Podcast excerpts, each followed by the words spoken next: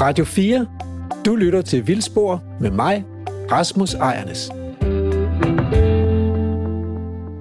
Jamen så, øh, så sidder vi her, klar til at køre ud på dagens vildspor, og øh, vi, det er selvfølgelig producer Emma Holtet, øh, som er så venlig at holde denne store, lodne mikrofon for os, og så er det Stine Nykkeltuksen. Hej, ja, Velkommen igen til Vildspor. tak. Du har været med tidligere som gæstevært, og øh, i dag er du med som dyreholder og naturplejekonsulent. Ja. Fordi vi skal ud og se på, øh, på det her øh, naturareal sammen og, og komme med nogle gode råd til, hvad man kan, hvad man kan få ud af det. Fordi i dag handler øh, ugens vildspor om, endnu en gang kan man sige, om at der er nogle mennesker, som har købt noget, som ejer noget jord, og som gerne vil gøre det vildere for naturens skyld. Fedt. Jeg glæder mig. Mhm. Hvad er det for dig, vi skal ud og se på? Ja, altså det er jeg også ret spændt på, men øh, jeg, kan jo, jeg kan jo sige, hvad... Altså det er en fyr, der hedder Nils Carstensen, og jeg kan jo, øh, jeg kan jo læse op, hvad han har skrevet til os simpelthen.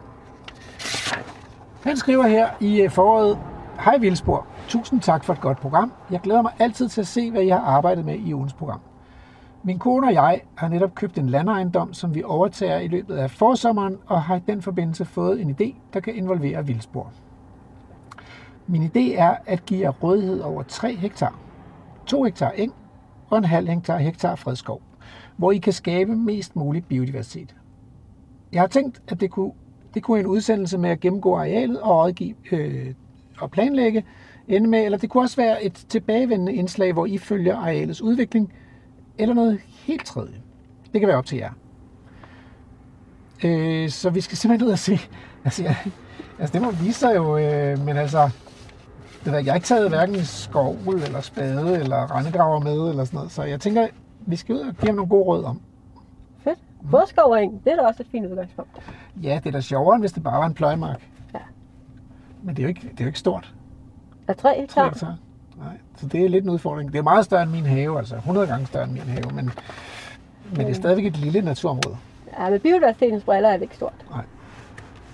Men vi, vi må se, hvordan det ligger, og, øhm, og se, om vi kan give ham nogle gode råd. Og, og hvis nu han siger ja til at gøre det, så kan det jo være, at vi skal følge op på det til næste år. Og se, hvordan det går. Fedt. Spændende. Så skal man afsted? Ja. Oh, det bliver en varm dag. Ja.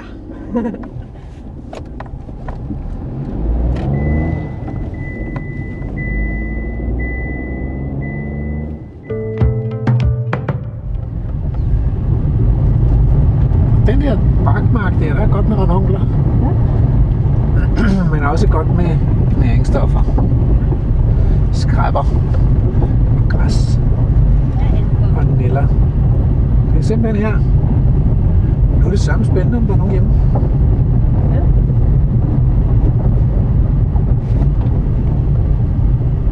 Det er der. Der er håndværkere. I hvert fald. De havde også lige overtaget stedet.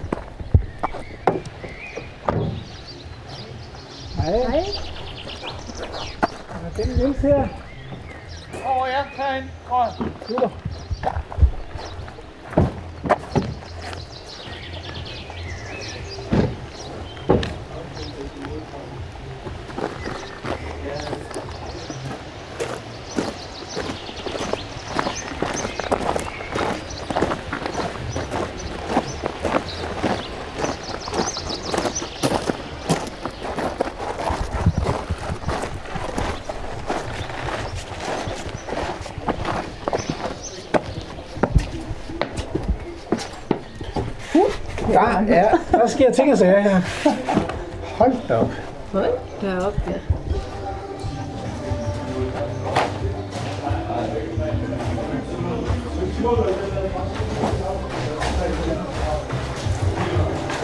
Hej. Kan man finde Niels her et sted? Han er på vej.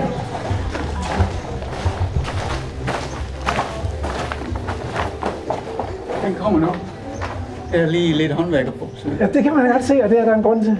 ja. Så vi kommer. Ja, det er fint. Det kan jeg Der sker ting og sager Jeg her. glæder sig rigtig meget til at komme. Der er et hus, der er halvt revet ned her. Det er helt vanvittigt. Går på den bare jord, ikke? Og øh, Udendørs lamper, udendørs dæk. så det skal bare bygges op fra grunden af. Det skal være noget småt, at i en eller anden bygning, Skal vi øh, liste ud og kigge en gang?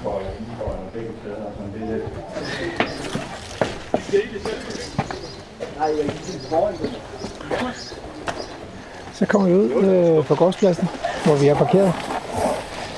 Og hvor alle håndværkerne er i gang.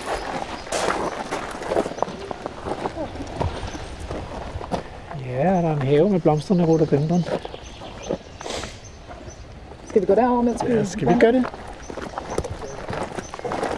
Det er jo et naturprogram.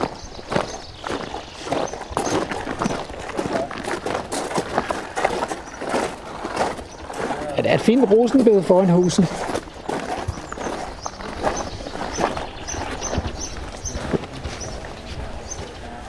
Og så er vi omme i haven, og her er en græsplæne og en, øh, en gammel hæk. Det ligner lidt, hvad i verden er det, rigtårn, det der, eller sådan noget. Mm.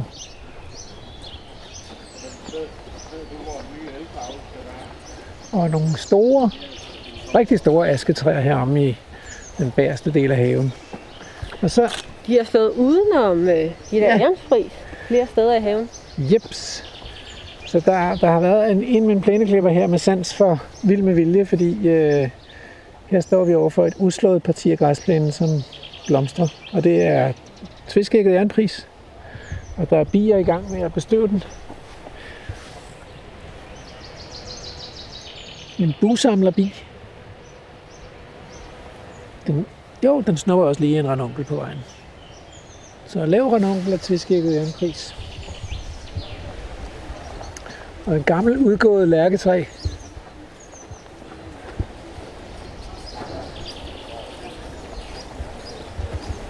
Og en kæmpe stor hængebirk med hængekøje. Og så et lille stavtebed her. Og det er jo faktisk en udmærket. Det er jo en af de ting, der gør haver interessante for biodiversiteten. Det er, at der ofte er blomster fra tidlig forår til til langt hen på sommeren. Og det er jo blandt andet frugttræer og bærbuske, der gør det. Og så er det de der stavtebede, som mange mennesker de kan godt lide. Så kører man på planteskolen, og så kører man nogle, nogle blomster. Jeg ved ikke, hvad den der, hvad den der hedder der. Det ligner nærmest sådan en, en forvokset stenbræk eller sådan noget. Der er i hvert fald en, altså, den har fine røde blomster, og der er en lille stenhumle, han i gang med at bestøve den. Det er jo et meget godt trick, hvis man kører på planteskolen, det er at øh, vælg nogle stavter, som står udendørs, fordi så kan man se, hvad for nogle øh, bierne gider at, at komme og bestøve, fordi der er jo også bier på planteskolen, så, så kan man vælge dem, bierne også gider. Hej. Det beklager jeg. Altså, du har lidt at se til her, kan man fornemme. Dejligt. Det er fedt. Det er et Hej. håndværkertilbud. Man må Ja. godt give hånd nu. Det tror jeg. Niels. Hej, Rasmus. Goddag. Ja, goddag. Emma. Det er Emma. Ja. Fedt. Dejligt, I er kommet. Ja, Kæft, jeg har glædet mig. Ah, men jeg kunne næsten ikke sove i nat. Jeg havde ikke tænkt så meget over det, så sagde min kone, ej, jeg ville have sommerfugle i maven, hvis det var mig. Jeg tænkte, shit, det er da rigtigt. Jamen, sovefuld er godt, det går vi ind for. Ja, men det er øh, Vi rigtigt. skal bare have dem ud af maven og ud i virkeligheden. Ude i haven, ja. Nå, men øh, altså, hvornår har I oversat det her sted? Første... Ja, 1. maj fik ja. vi nøglerne. Ja. Og så skal vi flytte ind til september. Men der er jo lidt, der skal jo ske lidt inden da, Ja, ja. fornemmer man. Ja, ja, ja. Der jo skal ske vanvittigt. rigtig meget. Vi har brækket op og øh, ja, brudt ned. Egentlig er, er rumfordelingen rigtig god. Den skal vi ikke lave om på. Men ellers så skal der isoleres. Det er et hus fra 1913, og det er fuldstændig uisoleret. Ja. Så altså, det er gulvtæpper, der har været isolering. Ja. Og øh, det skal vi selvfølgelig gøre noget ved. Ja. Men ellers så, så skal vi egentlig ikke lave det helt store. Så væggene Ja, er sådan set sunde nok, og taget og sådan Alt noget. det der siger de er godt. Ja, ja. Så, men, så synes VVS'eren alligevel, ah, vi skulle lige smadre lidt mere gulv, end jeg havde tænkt. Det var det, vi var i gang med at snakke om. Ja, så. Og jeg glæder mig egentlig mest til det udenfor. Altså det her, det er sådan, Det skal til. Det skal til, ikke også? Jo. Huset er mega fedt og sådan noget, men det er det der udenfor. Det er det, jeg glæder mig til. Ja.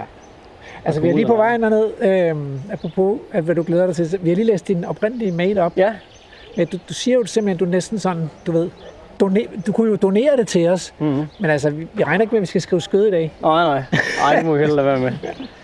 Det må vi hellere lade være med. Men altså, jeg- det, det var min idé jo bare sådan ligesom, nu fik vi den mulighed for at have noget ekstra jord, ikke også? Og jeg vil sådan set det samme som, ja, som I har gang i. Altså, så hvad ville jeg ellers gøre? Jamen, så ville jeg bare høre jeres programmer, og så forsøge at gøre det. Ja. Jeg tænker, hvis det kunne give mening ind i jeres radiovirkelighed, så kunne det sådan noget med, jeg ved ikke, nogle programmer, så er det jo sådan noget med ugentlige, øh, så er man ude at have sådan en ugentlig indslag, eller se, hvad der er sket siden sidst, eller årligt, eller jeg ved ikke, et eller andet.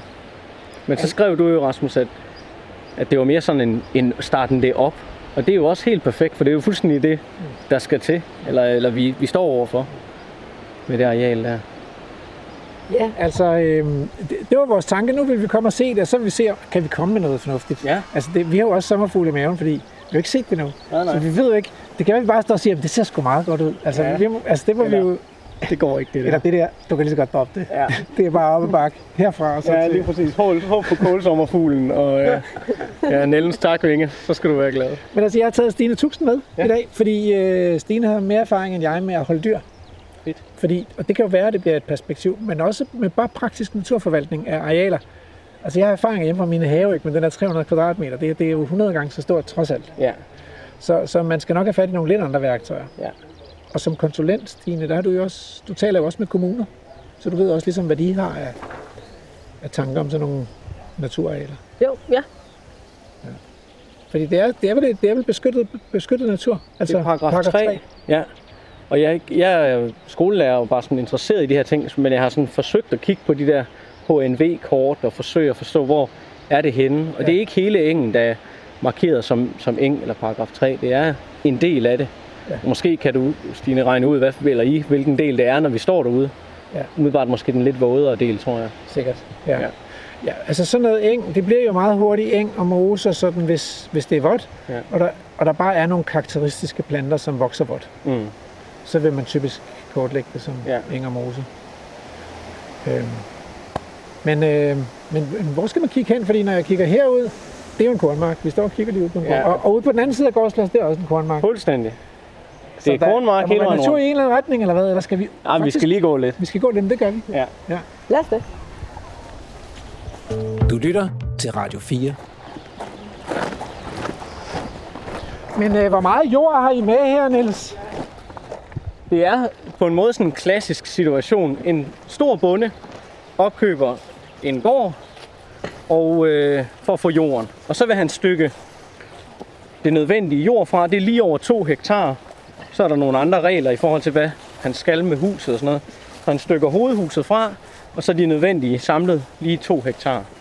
Og det bliver det herude, som vi kigger på, som er fuldstændig klassisk regulær mark. Det må man sige, altså. Og øh, det har det været sandsynligvis altid. Eller lige så længe.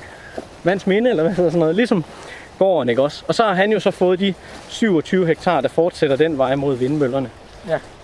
Og øh, vi har aftalt, at han kører marken ind til efter høst. Og vi forventer at flytte ind der i september. Så er det fint. Vi skal ikke længere den vej der.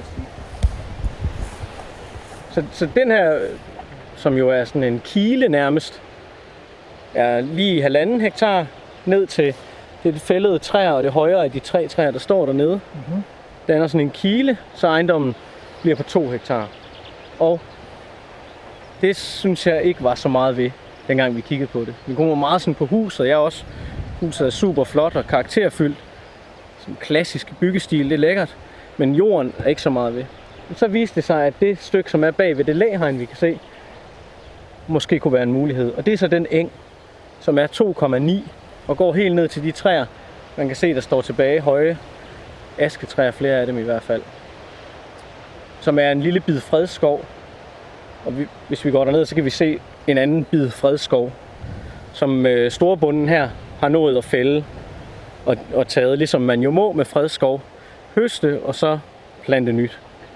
Og det er det, der ligger dernede i stakke, og det skal blive til flis. Han siger, at der var asketop tørre, så det var med at få dem taget nu. Ja. Ah. ja. Vi nåede heldigvis ikke at se det, mens der var stor frodig skov. Og heldigvis, så har vi købt engen af af en anden, og han sagde nej tak til at få fældet det stykke. De lejede sådan store skovfældningsmaskiner. Og derfor der står den række træer. Ja, fordi, ja. Øh, fordi jeg var jo inde og kigge på det på luftfotoet, og der var skoven der endnu, og jeg tænkte, der, der er også nogle potentialer i det der skov, ja. men det, det er der altså ikke længere. Det er Ej. simpelthen blevet fliset. Fuldstændig. Vi må ned og kigge, men der er Ja, ikke det, meget. Vi, vi skal ned og kigge. Altså, katastrofer hører også med i programmet. Ja, Ja, det tager vi med. En storm. Der har været en kæmpe storm. Ja, men uh, det Så voldsomt, den har taget træerne med sig. meget voldsomt. væk. Ja. Nej, så vi fik det der engstykke med, og så, Så blev det spændende byttet for mig. Så Hva? I har byttet? Nej, nej. I Det her har vi købt, det her har vi købt af en Ja. bondemand. Ja. Det andet har vi købt af en anden. Alright. Ja. Ja, ja. Så, men, men hvad når- skal I med det her? Ja, præcis, Rasmus. Da jeg skrev til dig, så var det... Den der over, den er på 2,9 et eller andet hektar. Ja. Og jeg tror, jeg skrev til dig, at det kunne være 3 hektar, fordi Præcis. vi har ikke nogen specifik plan for det her andet end... Jeg forestiller mig, det er der, jeg skal gå med alle mine podninger. Jeg kan godt lide at forsøge med at pode æbletræer og Ja, ja. blomme. Det er så ikke lykkes endnu, men de andre, de kan komme derud og stå. Men hvis at øh, Stine får mig overtalt til, jamen det handler jo om at græssende dyr, jamen så kan der også indgå en del af det der, for den sags skyld. Du er, godt, altså, du er godt klar hvis man rækker fanden en lillefinger. Ja, okay. Ej, men hun ligner ikke fanden, men det er måske det typiske Dyrene ved er også fanden. glade for frugttræer. Er de det? Ja. Det kan godt være, at de skal hegnes lidt væk, tror du ikke det? det er nok nødvendigt. Stine, du kan se, de der hvide bygninger, de fulgte med det stykke. Og øh, der havde jeg tænkt, jamen, det kunne da godt være, at man kunne bruge det som læg og ly. Er der, der er nogle krav til det, er der ikke det? Og der er nogle krav til filet og ly. Så hvis jeg lod indhegningen ligesom gå op hertil, Ja, det kunne det så ikke gælde, eller hvad? Jo. Det vil Er der- fungere helt fint. Er der sådan noget krav med høj, ståhøjde og sådan nogle ting? Ja, vi skal måle højde på tagene i hvert fald øh, til loftet. Og så kommer det an på, hvad det er for nogle dyr, du vil have, hvor stort arealkrav der er. Ja. Og hvor mange dyr, det skal på. Elefanter kan der ikke være, men, Nej. øh, men ellers ser det ud, som om der er højt til loftet. Sådan set. Der er utrolig mange bygninger til den øh, ejendom, du har Helt købt her. vildt. Øh, kan det ikke gøre dig tror- lidt svedt? Jo, men det tror jeg også er sådan klassisk øh, for de der ejendomme, der bliver udstykket. Altså det har været svine... Der er 2 gange 400 kvadratmeter svinestal. Og så er der vel 130 kvadratmeter lavet der. Nej, hvis ikke det er 230. Og 130 kvadratmeter traktorværksted. Plus en carport og et lille værksted. Det er det, det hele. Ja, og så Men de altså- to hvide der. Hvad skal man have? En floorball-klub? Ja, det kunne der? være sådan noget. Den ene, den skal væltes. Den fjerneste svinestal skal væltes. Vi skal ikke producere svin. Vi skal have køkkenhave derom bagved. Det er 400 kvadratmeter køkkenhave. Det skal bare lige fjernes først. Og den der, den er sådan set god, bortset fra, at den ligger i vejen for vores udsigt. Og vi skal jo kunne kigge ud på det her og kunne se op på vores flotte hus, og det kan vi ikke nu, selvom vi står ja, Det er laden, du taler om. ved den. Ja, Den er også høj. traktorladen. Den er høj. Alle, der kommer herud, i hvert fald hvis de er fra landet, siger de, det er altså en god bygning. Ja, den er i vejen. Så er der sådan nogle gamle kampestens. Det er ikke mine. Der. Okay. Det er naboen, de bor øh, dejligt tæt på der. Der er også en kampestensbygning lige der. Ja. Øh, de har sådan en firelænget gård med kampesten og bor lige der. Så den skældpæl, der er langs med grusvejen, det er vores. okay. Og der står et stort elmetræ lige ved siden af den der kampestensbygning, som jo ser sundt nok ud. Og så er der ellers nogle døde elmetræer jo om bag ved dine bygninger der. Ja, Det er formod, har formodentlig været elm. ja, Det kunne selvfølgelig også have været ask, men det kan sagtens både leve og dø, levende og døde elme. Ja. Men det er jo interessant. Der er jo en sommerfugl, der øh, lever på elm. Er det det? Ja, det hvide W. Nå, det hvide W. Ja. Uha. Og øh, jeg har tjekket det, og det er en af de, en af de øh, lidt mindre almindelige sommerfugle, som, som hvad kan man sige, er registreret øh, som flyvende i det landskab, eller det område, du bor i. Er det rigtigt? Ja. Hvordan kan du se det, Rasmus? Jamen, det kan man ind på, øh, på biodiversitetskortet. Nå. Der, der, kan man, øh, øh, der kan man slå nogle lag til, som hedder observationer, levesteder og leveområder. Ja. Og så kan man klikke et sted i kortet, og så kan man få oplyst, hvad det er for nogle arter, der er registreret her. Okay. Øhm, jamen det, øh, det kan godt være, at vi skal lave en lille guide til det. Fordi det er faktisk en god, en god måde. Ligesom at, der, der er en del sommerfugle, som ikke er registreret på stedet, men som flyver i det landskab her, Okay. og som eksperter har vurderet, hvad kan man sige, har leveområdet i det landskab her. Mm. Det betyder jo, at de kunne komme forbi, hvis, hvis der var et godt levested, så kunne Mm. de jo slå sig ned. Men er det et godt levested, det, det der døde elmetræ? Altså ikke, ikke for sommerfugle, de vil have det levende. De skal være levende, Ja. okay. Men det er der også. Men øh, for, øh, for, for svampe og Ja. for insekter og, og de fugle, der lever af insekterne, der kan sådan et dødt træ jo være rigtig fint. du. Nu står vi ved øh, engen, eller ja, hvor man kan ligesom se engen i sin helhed. Og det der, det er det gamle vandværk, som det bliver stående, men ellers så er det herude, som vi går Og det var faktisk den, vi kørte forbi, da vi kom herind. Ja, hvor ja. vi sagde, der er mange blomstrende ranunkler her, Ja. ja. men også mange næringsstoffer. Ja. Øh, fordi det man så lige kan se herfra, nu står vi i kanten, og måske Mm. på det tørste stykke. Ja. I hvert fald falder det lidt dernede Ja. af. Øh, og der kan man se øh, fløjlsgræs sammen med ranunklerne. Ja. Og så kan man se nogle partier med skræpper. Det er jeg sgu spændt på, hvad, hvad Stine siger til de skræpper der. Men, så- og så er der nogle... Øh, Det er nok brændenælder, er Ja, der er nogle brændenælder, altså, og ikke mindst er der en del brændenælder i brammen ned til gården der ved siden Ja. af. Ikke? Der har sikkert været noget udsivning fra en møding eller et eller andet. Der er godt med næringsstoffer der i hvert fald Ja. i kanten, ikke? Jo, jo, det er nok rigtigt deroppe fra dem. Det kunne du sagtens være. Det er rigtigt. Men øh, skal vi ikke gå ind Helt på sikkert. Og ned i lavningen og sådan noget? Helt sikkert. Jeg har sagt til mine børn, jeg skal være sammen med nogen i dag, som kan alle blomster. Min dreng på 6 år går meget op i blomster. Sådan. Siger, vi kan ikke komme forbi en blomst, de ikke kan navnet på. Det er en rigtig Det dreng, tror jeg ikke, han troede på. Altså. Men nu må vi se.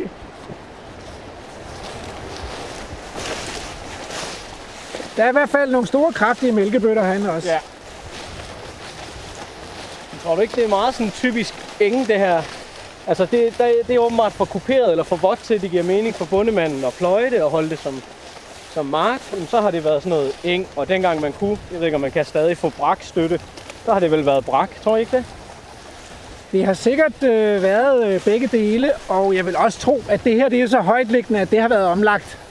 Det er så tilpas tørt, det her. Ja. Nu kommer vi igennem en bevoksning med agertiffel. Og så er der høje græsser. Altså, der har jo ikke været nogen græsne dyr her, kan man godt fornemme i lang tid. Ja. Øhm, så, så udover fløjelsgræs er der høje hundegræsser og rapgræsser. Ja.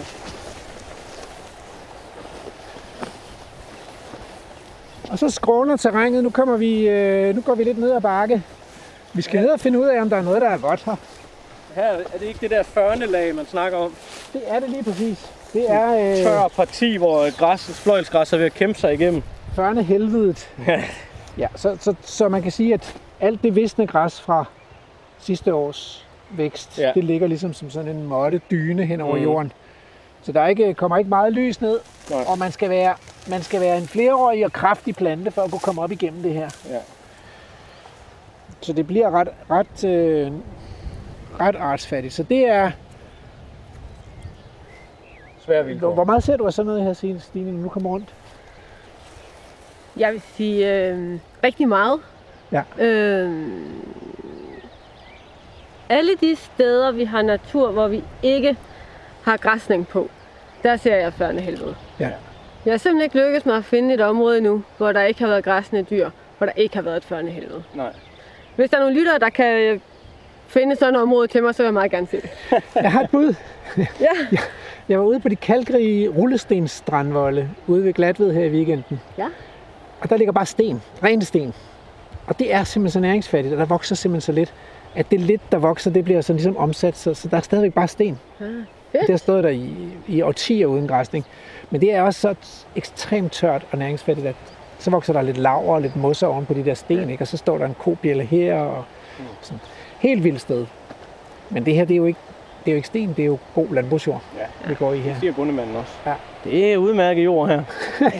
Så redder jeg et sted øh, med jord, uden dyr. Ja, Stine, hvad, hvad, Nå, men så lad os sige, hvis man nu skulle i gang med dyr her, kan de godt, kan man bare slippe dem ud på sådan noget her? Det er jo helt vildt buffet, de kommer til. Ja, de vil da blive begejstrede. Jamen, vil Men de nu ikke vi få øh, nået forfangenhed? Det er nu, hvor at det, de har sat øh, blomster af de her græsser, vi kan se, de står med, med blomsterne.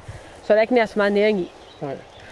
Øh, så lige nu vil jeg ikke være så bekymret for at sætte dem ud. Men, men det betyder også noget, hvor dyrene kommer fra. Hvis du vælger dyr, som kommer fra græsarealer og sætter dem ud her, så er skiftet for dem ikke så stort. Mm. Hvis det er dyr, der kommer fra stald, og du sætter dem ud her, så vil det være for stort et skifte. Men hvis de kommer fra græs og kommer ud et sted, hvor græs er gået i blomst, så vil jeg ikke være bekymret.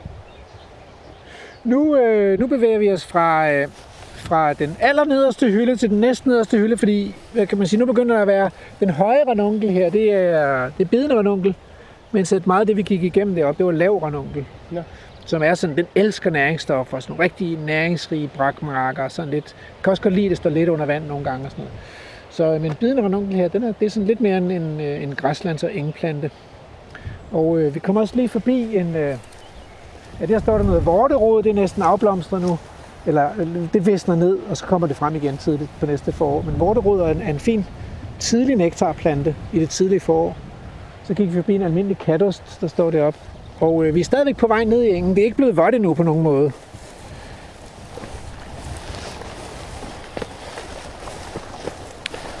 Med den her, der? Den er også sød. Ja, det er en øh, almindelig hønsetarm. Åh, oh, pokker. Nu kommer vi ned i noget... Øh... Hvad fanden er det? Pindsvineknop eller sådan noget? Nej, det er koglaks. Øh, ja, og almindelig mjødeurt. Altså, det er jo en typisk engplante almindelig mjødeurt. Det er den her koglaks også. Jeg ved, om det er søkoglaks, eller, eller, eller hvad det er for en koglaks. En ordentlig, ordentlig en. Det bliver svar skyldig. Ja, Vi er allerede ude i problemer i forhold til sådan her. Nej, jo, Koglaks, bare hold den Koglaks er godt. han er imponeret. Ja. Og der står mere mjødeurt herhenne. Altså, det er jo helt klart sådan en engplante. Og øh, som typisk Den her. elsker Nå, den, denne her, ja. Den er jo et sjov, når den blomstrer. Øh, jeg vide, om den allerede har det nu? Den har sådan lidt øh, tykkegummi, sådan noget bobletykkegummi, jenka tykkegummi oh, ja. sådan noget over, over det i duften. Der er et eller andet. Ja. Især når den kommer lidt længere i blomstringen. Men, øh, men den kan godt lide sådan nogle opgivende enge her, som ikke... Øh, der var en sommerfugl derovre, men det er vist... Det var vist bare en nældens takvinge. Det kan man jo også godt forstå, for det har også stadigvæk en del næller. Ja. Men, øh, men mjødeurt hører til det samfund, som man kalder højstavte samfundet. Som udover mjødeurt på sådan nogle fugtige steder også består af den her lodden dueurt. Og, øh, og kendetegner sådan ja, næringsrige voksesteder. Ja. Øh, men den ville kunne indgå som en del af en engevegetation, hvis det blev græsset det her. ja. Vil dyrene spise den her, eller vil de gå udenom sådan noget? Jeg tror det godt, de vil spise den. Jeg tror også, de spiser. Den her virker sådan lidt, den er lidt stiv. Jeg ved ikke, om de vil, men de, er- den har også bløde blade, så den hedder de sikkert også. Hvad for nogle dyr tænker du på, Stine, når du siger, den spiser de? Jamen, øh, jeg tænker, at vi er ude noget kvæg og heste. Vi skal ud i nogen, der spiser græs. Ja. Rigtig meget græs. ja. Så, øh, øh, og vi er jo ikke i noget, ja, vi er ikke i skov, vi er ikke i noget, der er specielt. Endnu i noget, der er for vådt. Eller jeg tænker, vi er i noget kvæg og heste her. Der er altså vildt meget mad her. Der er Der virkelig, er virkelig meget mad. Der er det der bliver bare også ikke så meget jord, jo. Vi skal også huske på, at lige nu er der jo også akkumuleret mad igennem Ja. de år, der ikke har været græsset. Ja. Når vi så får nogle dyr på, at de så får spist det op i løbet af vinteren, så vil de jo de efterfølgende år, vil de jo kun have den mad til rådighed, som der kommer op hvert år. Ja. Øhm, Og nu, så, så klassikeren vil jo være her, at man, at man satte dyr på om sommeren. Men nu sagde Mm. du, de spiser op i løbet af vinteren. Altså, kan du ikke lige forklare det der princip med sommer og vinter i forhold til, øh, øh, at man laver naturpleje på sådan nogle arealer her? Jo, altså den klassiske er, at man sætter dyrene på om sommeren, og så man dem på stald om vinteren. Men om sommeren også, da alle planterne står med de her blomster, som insekterne jo gerne vil have, fuglene vil gerne have insekterne vil have blomsterne, og så har vi sådan hele fødekæden opad. Ja. Øh, Så hvis vi sætter dyr ud, som så spiser alle blomsterne i sommerhalvåret, så amputerer vi fødekæden fra bunden af. Ja. Så i stedet for kan man gøre det, at man lader dyrene gå om vinteren. Når at øh, planterne er vokset op, og de har blomstret, og øh, hele biodiversiteten har haft den her fest hen over sommeren. Og så når der ikke er flere blomster i løbet af vinteren, så sætter man dyrene på til at spise. Og når de så får spist alt plantemateriale i løbet af vinteren, mm. når vi så når foråret, så ligger der jo ikke det der lag af vissen græs længere hen over jorden, som sådan en dyne, som blomsterne ikke kan komme op igennem. Ja. Så er der jo bare ja, Fri bane. fri bane. Så der kommer sollys og varme ned til jordbunden, og der er plads, plads, lys og varme, og så kommer alle blomsterne igen næste sommer. Ja. Så noget af det, man kan gøre, er jo på små arealer, når man ikke kan have det hele året, Det er så at have vintergræsning i stedet for sommergræsning. Nå. For at få større biodiversitet. Der er det men, der er jo nogle men altid. Øh, og det er vi også gødningsfagnaen, der skal bruge alt det lort, dyrene kommer med i sommerhalvåret. Ja. Så når vi ikke har dyr på i sommerhalvåret, så har vi ikke noget for gødningsfagnaen. Gødningsfagnen er for eksempel... Ja, altså, det er jo ikke alle navne, men altså, hvad, hvad, hvad taler vi om for nogle dyr? Jamen, vi taler jo fluer og biller. Ja. Nogle af de der rigtig store biller. Mm. Sådan de der skarnbasser for eksempel. Ja. Mm. Meget glad for det. Ja. Så man kan sige, noget af det, der er fedt ved lort og døde træer og ådsler, det er, at der har du de store insekter. Blomsterne, der har du alle de små insekter. Dem er der nogle dyr, der er glade for. Mm. Men der er også mange dyr, især nogle af vores store fugle, som er presset i landet, for de skal have store insekter, hvis de skal kunne brødføde både dem selv og deres unger. Ja. Så, så hvis vi skal have de store insekter, så er det øh, lort, ådsler og døde træer. Okay. Og døde træer har vi været forbi Ja, nogle ja. stykker af. Jo, Ikke? jo. Men øh, lort er også rigtig godt for, for mange af de her helt store gødningsbiler. Vi har jo også det der, altså når jeg hører jeres gode programmer, så er det jo meget sådan noget vildt mange hektar, ikke også? Og i, i virkeligheden så er det her, selvom det er stort, når man kommer fra et rækkehus i Stilling til Skanderborg, så er 3 hektar jo ikke sådan mega stort. Så øh, hvor mange, øh, altså jeg skal jo ikke have 20 køer herned og gå, eller hvad, Stine? Nej, det vil jeg heller ikke sige. Ja, Stine, jeg kan se, at øh, der er et græsende dyr derovre. Ja, Hvad siger du ja, til den? ja, ja. Et får! Er To får, tre To får. får. Ej, der kommer en hel flok får. Ja, ja, får er jeg jo ikke sådan helt så jublende glad for at se ude i naturen. Og det er jo ikke, fordi det er et dårligt dyr. Jeg er men... faktisk enormt glad for får. Øh, Jeg vokser op med får, jeg vokser op med lam, øh, så jeg har et, et ret blødt hjerte for dem som dyr. Og for at gå og nusse dem og spise dem, de smager virkelig godt. Jeg skal giftes på lørdag, vi skal have lam til middag. Men øh, så er jeg rigtig glad for dem. Men når vi sætter dem ud i vores naturområder, så har de en forkærlighed for at spise blomsterhoderne. Ja. Øhm, forkærlighed simpelthen. for, for kærlighed, for at spise blomster. Og det vi simpelthen ser, der hvor der går for, øh, det er, at blomsterne bliver spist, før de når at sætte frø. Ja. Og det vil sige, at de når ikke at sætte frø, og på et eller andet tidspunkt, så dør planten jo også. Øhm, og så forsvinder arterne fra området. Så det bliver sådan nogle meget blomsterfattige, øh, urtefattige områder, øh, meget domineret af græs. Ja. Og, øh, og for biodiversiteten, så er det den gale vej. Ja. Så jeg vil øh, på intet tidspunkt anbefale får. Og så er der jo nogen, som snakker om, så kan vi have får i sådan nogle foldskiftesystemer, flytte dem rundt, eller man kun lader dem gå der kort tid ad gang, hvad man gør. Og det er der nogen, der arbejder på, men grunden til, at man skal flytte dem rundt på den måde, er jo fordi de græsser uhensigtsmæssigt. Ja. Så tænker jeg, så vælg dog et dyr, der græsser hensigtsmæssigt i stedet for. Og der ville ikke have været får på de her breddegrader naturligt. Altså man kan sige, fåret kunne godt være visse steder i Europa, men det vil sandsynligvis være i bjergeegne, hvor. Hvor de vil have fordel af, at de, de kan færdes i, det, i klippeterræn, og på den måde også undgå fjender. Mm. Ja. I små grupper, ikke?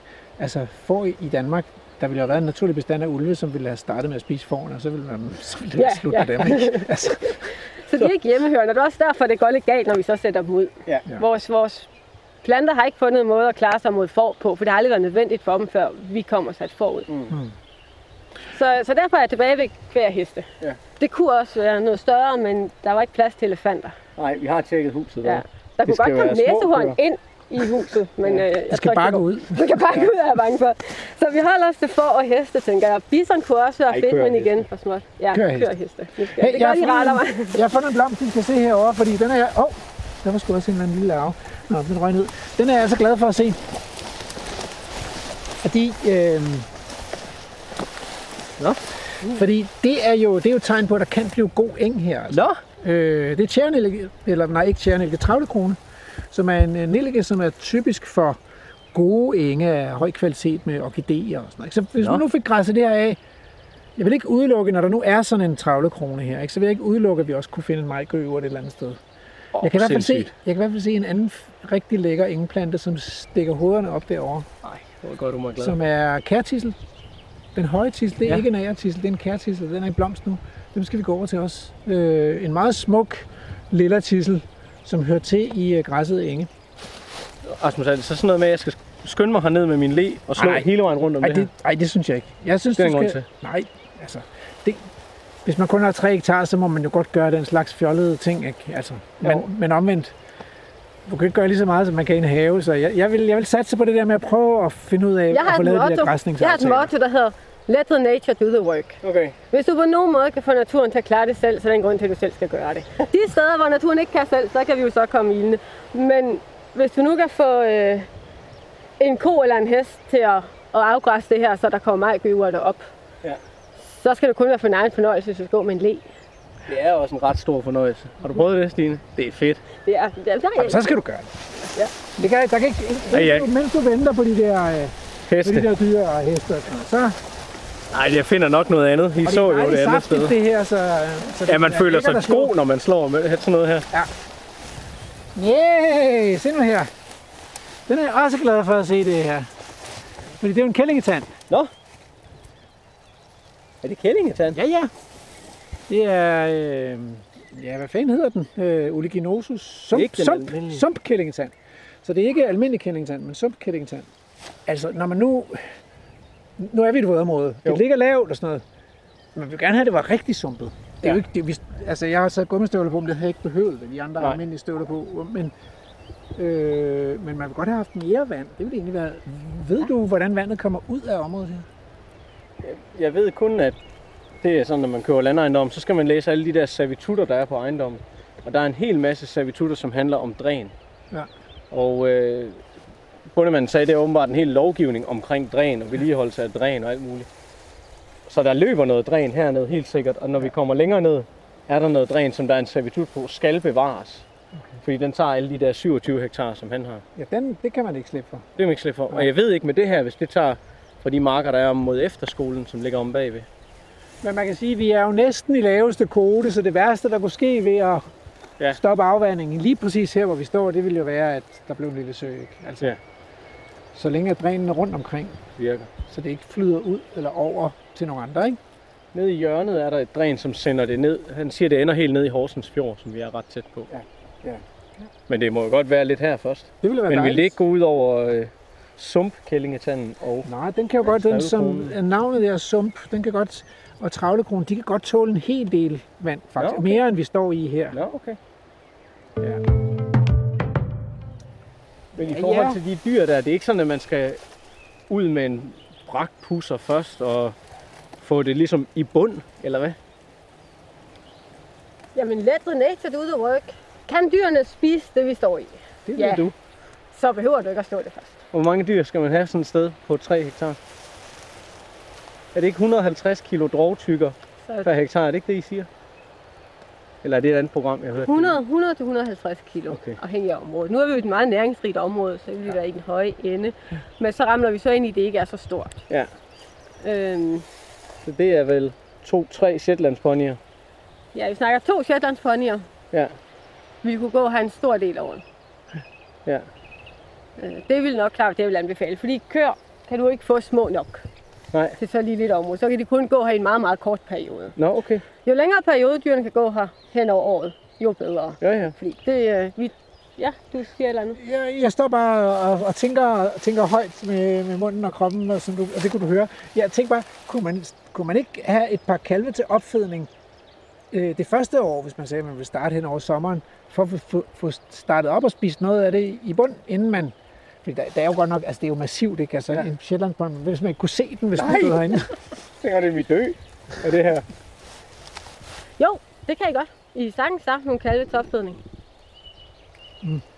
Fordi det ville jo så, så ville man slagte dem i november eller et eller andet, ikke? Og så Ja, vil ja. man sige, at så, så fordi, er du, jamen altså, jeg, har, jeg kan ikke lige huske, hvordan jeg har stået i sådan et frodigt grønt helvede her. Jeg ville få dårlige nerver, hvis det var hjemme med mig i min lille, i mit lille blomsterrige blomstereng. Ja. Altså, jeg har startet ud med rigtig mange arealer, der så sådan her ud, jeg startede. Ja. Og jeg har sat dyr på at tænke, det kommer jo til at tage dem en evighed at komme igennem. Ja. Men altså, de er jo vældig effektive, når først de går i gang. Er også det, de skal øh, hele dagen jo nærmest. Ja, hvis ikke de, øh, de som regel er de jo altså i bund på det første år. Så lidt flere på det første år, hvis der er. Ja. Eller så er de i bund på andet år. Det er det. De Ja. er altså ikke lang tid om det, når først de, øh, de går i gang. Og tilførelsen af, af plantemateriale hvert år er jo ikke så stor som det, vi står i nu. Så de får det stille og roligt indhentet, men hurtigere, end man forventer. Sjovt. Øh, Hvad med alle de interesse der? i... Øh, brændenælder spiser de. Lige nu, når de sådan er på deres højeste brændenælderne og meget saftige, og de der brandhår er meget effektive, så gider de dem ikke rigtigt. Men når vi når lidt længere hen på sæsonen, begynder vi sådan lidt ned, så skovler de brændenælderne. Er det rigtigt? Ja. Sjovt. Og tisler, Dem tager de også. Ærtislerne tager de også. Alle, altså så det er op til den nærmeste rideskole. Har du en gammel pony? Ja, den her. Ned med den. Er det sådan, eller hvad? Meget er der jo tillært for dem, hvad der kan spises og ikke kan spises. Ja. Så øh, det, du øh, kommer bedre fra start, hvis du vælger nogle dyr, som har gået naturarealer før, og som ved, tisler kan spises og Ja. brændeller kan spises. Hvis du går, starter med en hest, der ikke kender de her planter, så skal den selv finde ud af det. Og det kan jeg godt tage den det første års tid at finde ud af. Stine, hvad så med sådan noget... Hvis jeg fik to Shetlandsponyer hernede, udover min dreng, han er glad for blomster, så synes han også heste, det er fedt. Altså, så vil jeg svært ved at overtale ham til, at han ikke skulle ride på den hest der. Kan man, er der ikke en konflikt der i forhold til, at den skal gå og, og leve sådan relativt, ja lige nu næringsrigt, men du ved, mange hestehold, de vil sige, så skal du til, der skal koren ind, og der skal alt muligt ind, og Øh, Alle de der jeg går heste. ikke ud fra, at din søn på 6 år tænkt sig at starte øh, sådan på eliteplan i nej, morgen. det har han ikke. Og hvis det ikke er det, vi snakker vil gerne om, sidde på så, den bare. Helst så sidde. klarer hesten sig rigtig fint bare på det her. Så kan man godt have den som sådan en ride, hygge, hygge ridehest. Det kan man godt kombinere, at I kan ride på hesten, og at den samtidig går naturpleje hernede. Ja. det er godt. Det kan godt kombineres. Det er en god nyhed. Du er simpelthen ikke øh, vildt fremmed over for at skulle øh, have et par heste hernede. Det synes jeg ville være dejligt. Eller køre. Altså, det går Det der godt, med, at det man her. kunne spise noget, det ville synes jeg også er dejligt. Jeg vil lige lave en tilføjelse til det der med, øh, om ridehesten skal fodres. ja. Øh, fordi jeg tænker, uanset hvad du sætter i af heste herude, Ja. eller dyr i det hele taget, også Ja. kvæg for den sags skyld, så sæt nogle vitaminer ud til dem. Vitaminer og mineraler. Okay, det er det der Fordi- slikkeblok, er det ikke det? Jo, så er du sikker på, at de er dækket ind, hvad de skal have.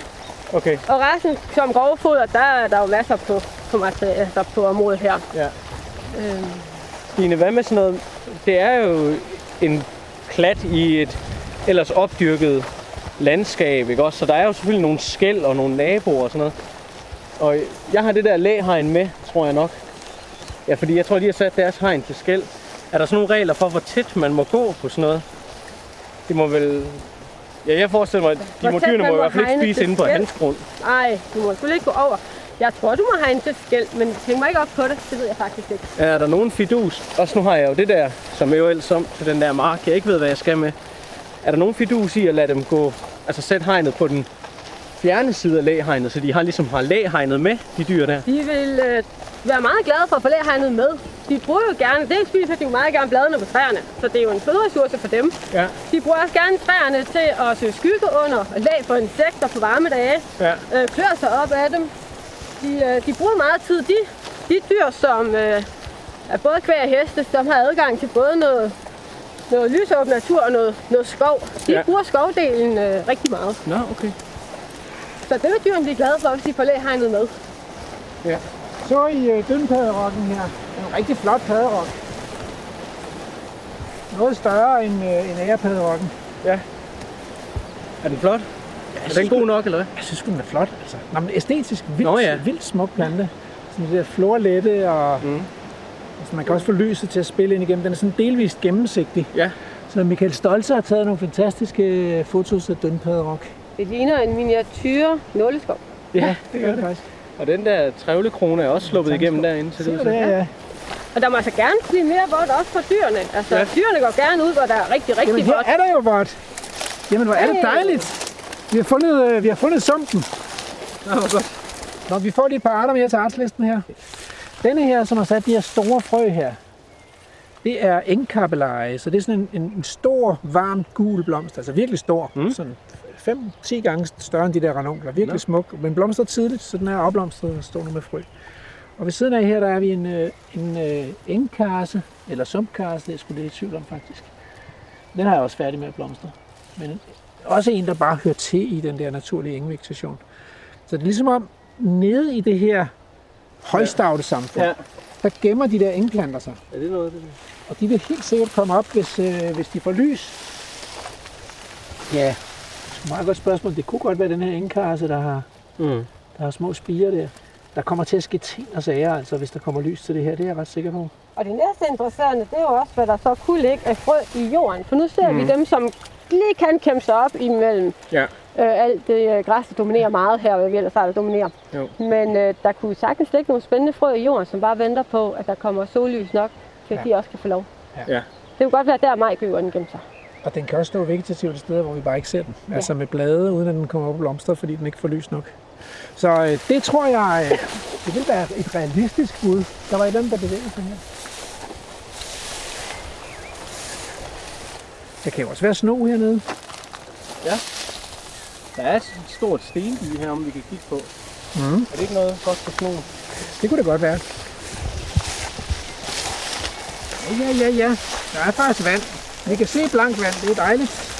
Og nu, nu så, altså, hvis man ikke har gummistøvler på, så kan man også sige, at... Og hvad er nu det her? Næbstar? Eller hvad? Jeg tror, det er næbstar. Og der står en anden star her, som... Det er sgu et meget godt spørgsmål, hvad vi er ude i her. Om det er sådan noget stiv star, eller... Ej, jeg er ikke så skrab til de her øh, vådbundsstarer. Den står i hvert fald i nogle store ture, og det, er også, det var den, vi kunne se på afstand, ikke med de her brune, brune ture. Så vi kom ind i midten af det våde område, og der er dønpaderokken skiftet ud med de her star. Ja. Øh, næbstar, og så sådan en sti- stiv satan her, som... Der er et eller andet i mig, der siger stiv star, men... Øh, men øh, jeg tror lige, at vi tager den med hjem og kigger lidt nærmere på den. Og så er der noget, noget mærke. Smalbladet eller bredbladet mærke. Det er også sådan et tegn på, at det begynder at blive godt. Hey, hvad er det fint det her altså. Nu bliver, der er der også noget øh, sumpsnære.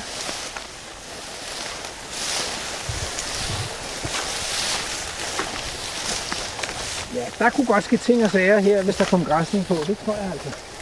Men det, får, det har sådan lidt karakter, sådan et kær, hvor der siver noget, siver noget grundvand til. Så det er den gode del af det, vi har været nede i her. Ja. Når I ser sådan et stykke her, der er mange af ressourcerne, hvor det også snakker om, at ah, vi mangler solitære træer og sådan noget. Jeg er jo også lidt på, at jeg skal gøre noget. Sådan virkeløst. Det er jo noget af min motivation også for at flytte på landet. Sådan projekter, jeg skal i gang med. Er der, skal jeg hisse mig op over plante sådan træer, der kan blive solitære træer herude? Eller er det, det passer ikke ind i det her sted? Er det mere et andet sted, det skulle være? Altså, når du siger det, så, så er det vel fordi, vi står og kigger på sådan et, et rektangulært engstykke uden en eneste træ og uden en eneste busk. Ja. Det er sådan set det. Og det er jo fordi, der har, været, der har kørt landbrugsmaskiner på det, fordi ellers så er det sådan, der kommer jo træer og buske på den her type arealer. Ja. Øh, især når det er omkranset, som det er her, af, af levende hegn med, med hassel og med bøg og med el og med ask. Og der er masser af de der træer, som fint kunne etablere sig herinde.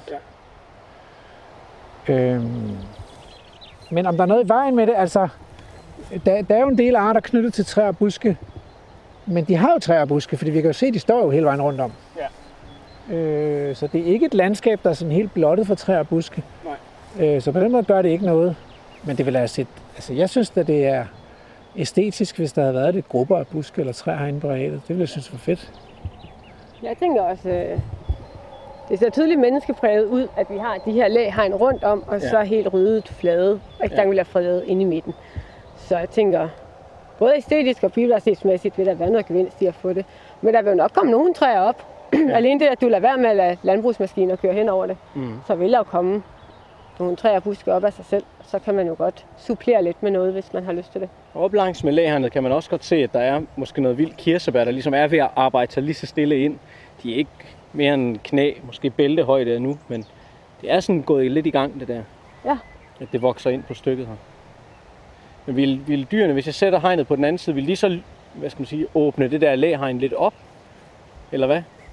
Vil det ikke ændre udseende? Det vil være mega fedt. Altså, jeg synes, en af de, en af de forsømte ting ved lægehegn, det er at, få dem med ind i hegningerne. Ja. Øh, sådan at der kan blive græsset lidt imellem buskene, og så det, ikke, så det ikke lukker sig helt lige så meget. Ja.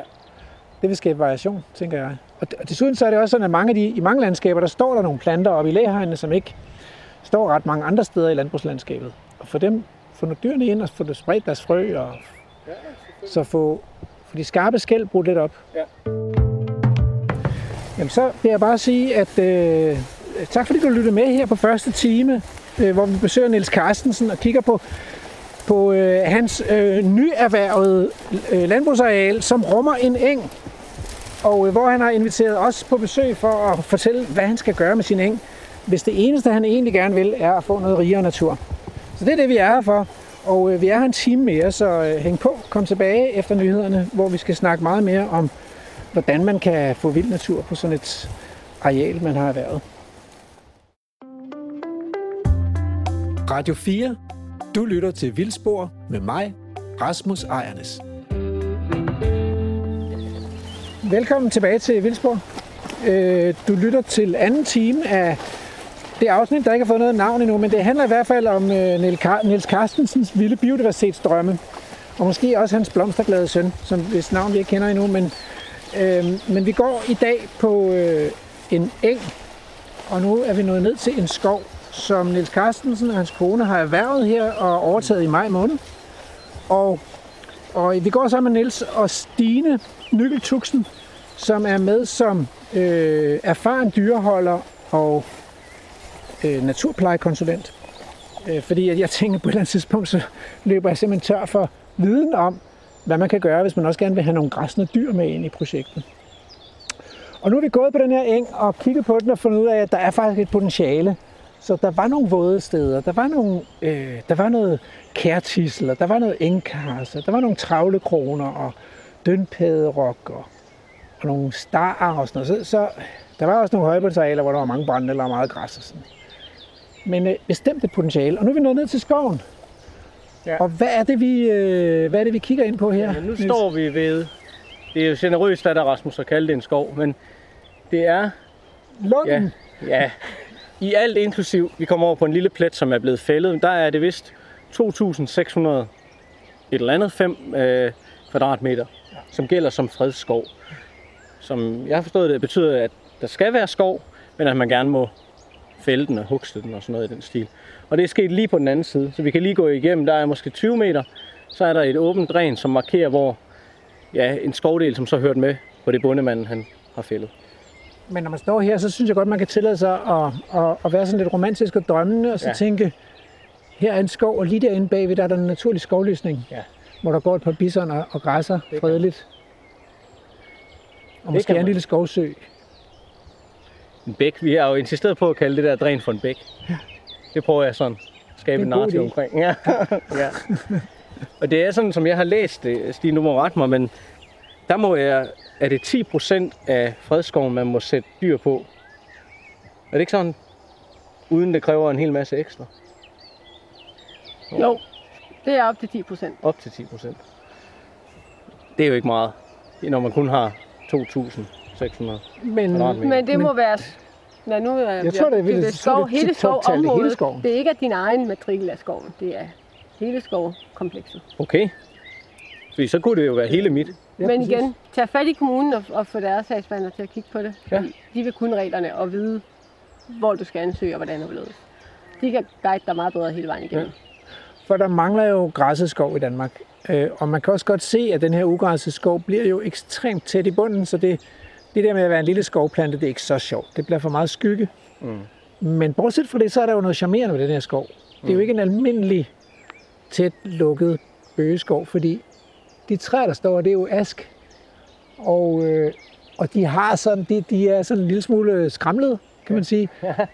De er delvist udgået i, øh, i grenen, og det er helt sikkert, fordi de har noget asketoptørre. Der er et derovre, som er helt udgået, og så er der nogen, der stadigvæk har, har blade, øh, blade på. Og Og så, vi jubler lidt over den asketoptør. Ja, Det er så fedt, vi vil gerne have nogle flere døde, halvdøde træer. Ja. Så kommer asketoptøren og skaber det igen. Naturen gør arbejdet for os. Der ligger også et dødt træ der øh, 10 meter inde, som har fået lov at ligge. Et stykke tid i hvert fald. Og udover den, så er der jo, og, og delvist fordi aske er et lystræ, og delvist fordi, at den er lidt udgået, så vælter det jo faktisk op med buske. Så der er hasler, der er roser, der er, jeg tror, den vi står her ved siden af, det er en, øh, en slåen. Mm. Der er øh, tjørn, Ja. ja. hvidtjørn, også inde i skoven. Og man siger jo, at tjørnen er skovens vugge, ikke? Så, så hvidtjørn er jo hører til i de, i de danske skove, men der er tit alt for mørkt, så, så er der ikke nogen hvidtjørn længere. Og man har også synes, det er besværligt med de der stikkende buske i skovarbejdet, så man har bare fået ryddet det ud. Mm. Så, så vi har store danske skovlandskaber helt uden stikkende buske. men de hører faktisk til. Så det, og der står en hyld derovre, og jeg ved sgu ikke, om der også er en gedeblad, der er oppe og klatrer på den, eller hvad det er, der er, vokst, er ved siden af der. Nej, det, det, er, det var også en hvidtjørn. Hyld og hvidtjørn. Og så er der jo en del øh, brændenælder her. Det er, Ja. som, som hellere har haft noget, nogle violer, ikke? men altså kørvel og brændenælder. Skal vi gå ind? Der har været anemoner. Måske skal vi gå ind den vej der, fordi der er ikke helt lige så mange brændenælder. Der har været anemoner. Ja, så meget, så da vi kiggede i starten, så skyndte min øh, blomsterglade dreng at navngive den Ottos anemoneskov. Sådan. Yes!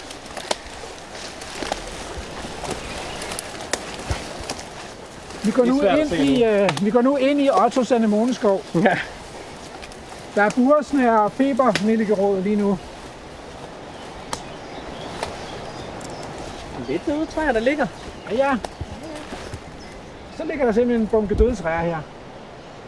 Ikke dårligt, og, øh, og det der med, at, at det døde ved, altså øh, Emma har stillet sig over på den anden side af stammen her, der ligger her. Den er så solbeskinnet, den her stamme. Og det kan altså noget, det her. Mange af vores insekter er jo varmekrævende, så de kan faktisk godt lide, at, at, at de der døde stammer får noget lys når sol og varme. Den der kan jeg rigtig godt lide. Det er en af mine yndlingsplanter. Ah, hvor dejligt. Jeg købte simpelthen frø af den her plante, fordi jeg, jeg synes, det er sådan en lækker plante. Ja. Og, øhm, og så den ligner bare, den her plante ligner bare fuldstændig. Det, det er engeleligerod, vi står og kigger på. Den er simpelthen så yndig med sådan nogle, sådan nogle nikkende, nikkende blomster. Den er ved at være afblomstret, så er den selvfølgelig lidt mindre yndig. Øhm, men det, der kom op, af de, eller kom ud af de der frø, det var så denne her over ved siden af, som så er febernælligerod. Mm. Det, det er det værste ukrudt i min have. Nå, De ligner hinanden fuldstændig, og de kan krydse med hinanden åh, oh, fuckers. øh, vegetativt. Det er bare blomsterne er forskellige. Men engelillerod, det er jo dejligt at have, fordi øh, den vil også kunne rykke ind på engen, hvis ja. der kommer lidt mere lys derinde. Den hører til også i sådan nogle engsamfund. Så. Ja. Der er lidt med en engelillerod. Prøv at se, der står mere engelillerod her. Her er den helt karakteristisk med de der små, søde, nikkende, nikkende blomster her. Skal du ikke have nogle af de frø der i lommen, så? Er det ikke dem der? Ah, men de er ikke helt, de er ikke helt klar endnu. Så må du komme igen. Ja, jeg må komme igen. Stine, her vil det også være godt at få dyrene ind, eller hvad? Ja, altså Rasmus sagde, at vi mangler jo noget græs og skov i Danmark. Ja.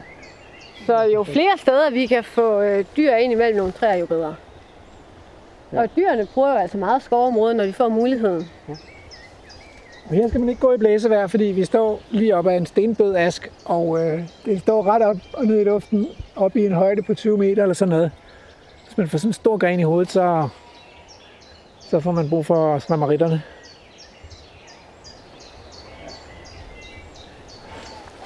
Og så kommer der et par ahorn, og ahorn er jo ret udskilt.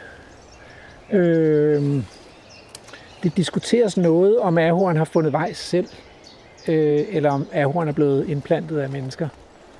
Øh, mennesker har nok hjulpet ahorn temmelig meget på vej, men den har et udbredelsesområde, der når op omkring Danmark. Øh, så jeg tror, at de fleste ligesom har accepteret, at, at, at man kan ikke kalde den for en fremmed art i hvert fald. Øh, den selv sår sig selv villigt, det er så et skyggetræ i modsætning til de andre træer, der står her. Så, så den vil kunne danne ret mørk skov hernede. Og der vil man jo kunne vælge, om man, om man hvis ahorn sådan er ved at tage over, om man så skal skulle for eksempel topkappe den. Det vil den godt kunne tåle, og så er ahorn faktisk meget god til. Der er en række træer, der er gode til at lave hulheder, og ahorn kan også det der med at lave hulheder i stammen, hvis man, og det kan man accelerere ved, at man styner dem eller skærer toppen af dem. Ja. Så det var en mulighed, hvis, hvis det er sådan, at den begynder at tage alt lyset og det, men der står en, der står en tre stykker, ikke? Jo. 1, 2, 3. Vi skal Ja. også have brændeovn, så kunne det jo være, at man skulle starte med at... Så kunne man tage noget af det der ahorn, ja, Ja. for at holde, holde skoven lys. Ja. Stine, strider det imod at lade naturen gøre arbejdet? Og smide det i brændeovnen. Nej, men altså at være, gå ind og selektere, og så, og så sige, at ahorn, den, den, det bliver lidt mørkt herinde. Det er jo ikke det samme, som hvis vi bare slipper tøjlerne og lader naturen bestemme selv. Men til det med at slippe tøjlerne helt og lade naturen bestemme selv, så følger der jo også nogle processer med, mm. som vi ikke har plads til på 3 hektar. Så vi kommer ikke derud, hvor at du skal slippe fuldstændig. Så øh, jeg synes ikke, der er noget forbudt i at lave noget selektivt her og sige, at øh, det her er ikke helt plads til så meget ahorn, som, som ahorn gerne vil have. Så er det den, vi smider i brændeovnen. Hvis vi nu får græsning på herinde, så er det jo også sådan, at der kommer også små ahorn op. Øhm, det, det er jo noget, der har været diskuteret en hel del. Det her med, kan de der dyr nu tåle, for eksempel heste, at gå herude og spise planterne? For eksempel anses ahorn af hesteejere for at være giftig. Ja, og der er nogle stoffer i ahorn, som øh, er giftige i meget store mængder. Hmm.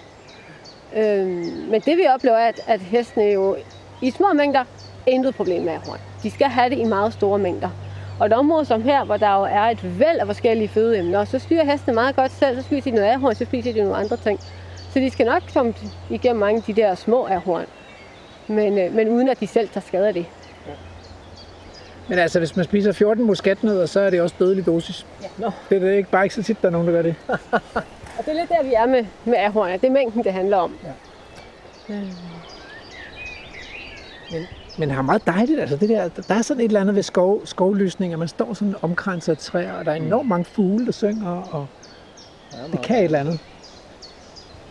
Vi kan prøve at gå over i det stykke, som øh, er blevet hugstet, eller hvad siger man, fældet. Ja. Det har vi nemlig også et lille stykke af herovre. Altså, vi står også og kigger over, ud over en, øh, en veritabel massakre. Ja. Øhm, store træer, der er blevet fældet, og du, du, du fortalte, at, at beskeden var ligesom, at der var gået asketoptør i det. Ja. Så så galt det jo ligesom om at få det, få det brugt til noget fornuftigt. Lige præcis. Det var beskeden, ja. Og det har du så ikke gjort, for der er jo også gået asketoptør i, i dine asketræer her. Jamen, det var, de gjorde det, inden vi overtog. Ja. Og heldigvis så sagde bondemanden, eller de spurgte ham, som jeg har købt det her af, om de skulle sende deres store maskiner ind her, og han havde så heldigvis sagt nej. Fedt. Ja, det er rigtig fedt. Ej, det ville godt nok have været ærgerligt, altså. Ja. Det tager lang tid at lave sådan nogle store træer. Hvor gamle tror du, de er, sådan nogle her? 20 meter høje? 70, 80 år, eller?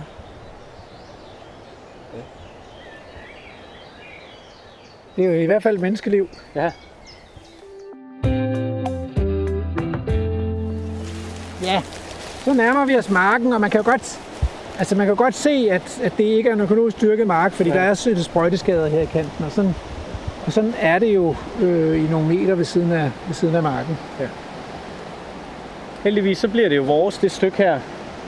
Og ja, det ved jeg ikke, 50 meter ud. Ja. Sådan noget i den stil. Og så snakker vi om at plante for at markere os, men også sådan ligesom som lidt en bramme mod sprøjte, en form for læhegn op, som markerer vores skæld. Er der nogen fidus i det? Andet end for det æstetiske. Altså virker, Øh. virker den der, det læhegn også, der er nu, som sådan en bramme i forhold til den Ja, det, tror, man- det tror jeg da. Det gør det da helt sikkert. Ja. Og hvis I overtager det her, så vil der jo ikke blive sprøjtet her. Nej, nej. Øh, Nej, men problemet flytter jo så bare 50 meter den vej. det gør det, ja. Og det kan jo være, der, kan, der kan det jo være rart nok, at man siger, at vi vil gerne have en afskærmning imod det dyrkede landskab. Ja. Jeg tænker måske, det er lige så meget æstetisk, som det er Ja. funktionelt i forhold til biodiversitet. Så den her del er, er jo nok lidt våd, og der er noget dræn her. Men det var her egentlig, jeg havde tænkt, i hvert fald så kunne indhegningen gå herind og gøre det fra 2,9 til i hvert fald 3 hektar. Ja. Et eller andet stykke. Og skoven, hvis du Ja. kan få lov.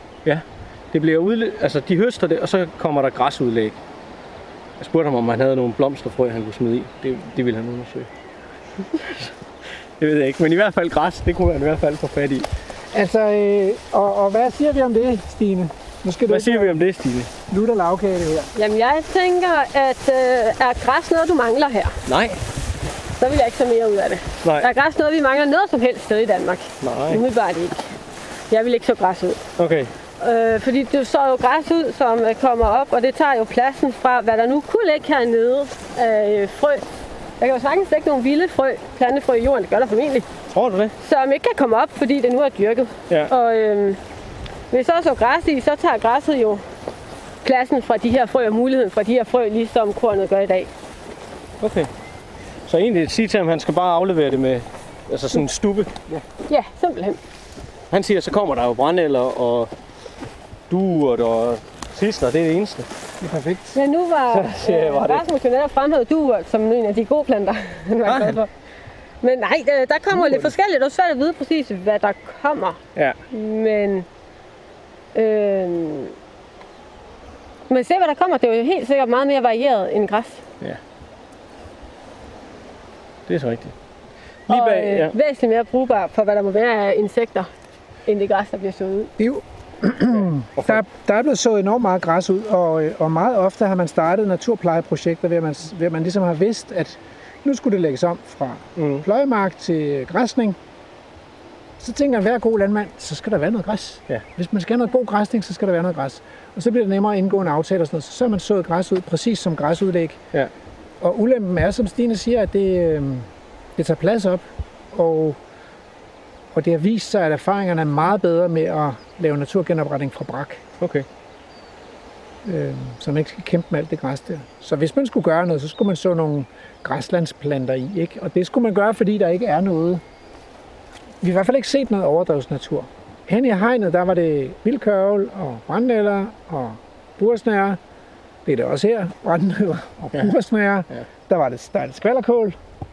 Måske fordi der er kørt noget haveaffald herned på et eller andet tidspunkt. Men vi har ikke set en regulær øh, overdrevs- eller græslandsplante. Op i din have, der var der noget tviskægget ærenpris, som plæneklipperne har Ja. kørt rundt om. Det er jo skønt, og det er en græslandsplante. Ja. Det er det nærmeste, vi kommer på, vi har set nogle græslandsplanter. Ellers så har det været markukrudt og, og sådan nogle høje konkurrenceplanter. Det kunne give mening at supplere med noget, med nogle frø af den type planter. Og det finder jeg bare på nettet, eller hvad? Ja, og de er Ja. skide dyre, og så skal man bare sige, jamen, jamen jeg, jeg så dem bare pisse tyndt ud. Ja. Fordi det betyder, at hvis man så dem tyndt ud, så betyder det, at er der et eller andet i frøbanken her, som også kan trives, så bliver der plads til det også. Ja. Omvendt så kommer de ind i starten af successionen, og hvis man vil lave naturgenopretning, så er, og, og der er nogle, planter, der mangler, Ja. så er det vigtigt, at de kommer ind i starten. Man kan ikke, når først der er et plantedække, så kan det ikke svare sig at så frø ud. Man skal Nej. så det med det, med det samme, ikke? Okay. når der er plads. Så det kan jeg gøre der efter høst, eller skal jeg vente til foråret? Det er, super, det er helt optimalt at gøre det i, så i august-september. Perfekt. Ja. det er godt. Det er, jo der, det er jo der, de vilde planter smider deres frø selv. Ja. Så det er der, de er tilpasset. Og nogle skal så have frost for at spire, og de vil så spire i det efterfølgende forår, og nogle Mm. spirer med det samme. Og der er ikke noget vandings, vandingsbehov, hvis man så i september, fordi det bliver vådt, ikke? Jo, Henover. det kan man sige. Nu står vi ved den der klump, som er også kategoriseret som fredskov herinde. Altså, så vi har marken på venstre side, øh, som bliver min, og så har vi skoven herover til højre. Og igen generøst at kalde det en skov, men det har det været, og man kan jo godt måske, hvis man er forfalden til det, blive lidt trist af at kigge på de der kæmpe store stube, som står tilbage her. Der var i hvert fald anemoner her i bunden, kan man se. Ja, så, så øh, Der har virkelig været nogle fine store træer, ser ud til, men jeg vil egentlig godt have med op til den der stenbunke der. lad os gøre det. Det er, man kan se, at den skyder igen her. Det er el, rød el. Ja. Og øh, man kan også tænke, ah, ah, hvor er det bittert, ikke? Fordi midt i den her kæmpe store stup, der er der sådan et dejligt, et dejligt hul på sådan cirka en håndsbredde eller sådan noget, og et lille hul også. Og det er jo sådan nogle muligheder her, der har været flagermus i, ikke? Et eller andet sted op langs med det her træ, der kan nemt have været et, et, et, en indgang, og så har man sådan et hul, der går hele vejen ned igennem stammen. Øhm, og den er jo bare røget i Mm. flisbunken.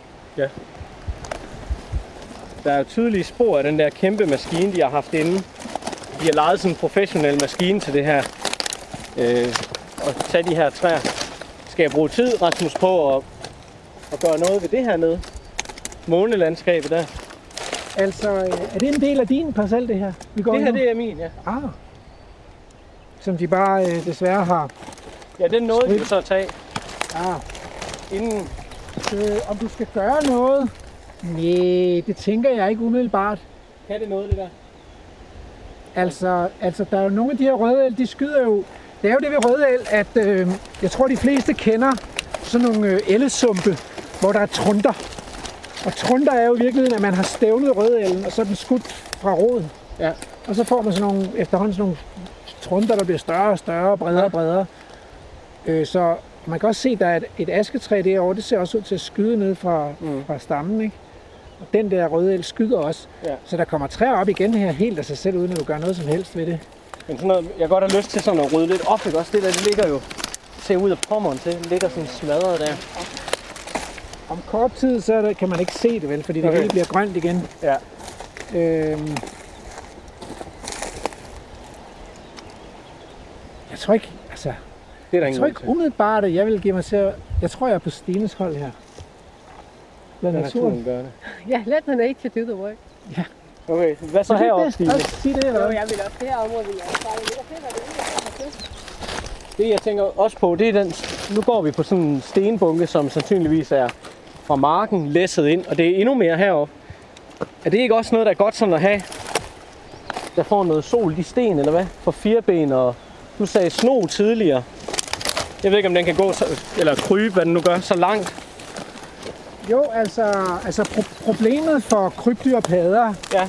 lige her, det er jo, at på den ene side er der en dyrket mark. Ja. Det er ikke et levested. Og på den anden sted, side har der været en mørk skov. Det er egentlig heller ikke et levested. Ja. Øh, men så stenbunken her bliver rigtig interessant, hvis den kommer ind i en græsset, en græsset fold, hvor der så faktisk er levested. Ikke? Hvor, Ja. der er, øh, hvor der er ly- lyså, en lysåben biotop her, som jo, den her skov kan jo blive ret lysåben, fordi at der ikke er nogen skyggetræer lige nu, Ja. hvis, man, hvis man får græsning på den. Ja. Og så vil den komme til at hænge naturligt sammen med den eng derhenne. Ja. Så kunne man godt forestille sig, at der kunne leve en sno på engen, som kunne overvintre her i stenbunken, øh, eller i hegnet, eller Ja.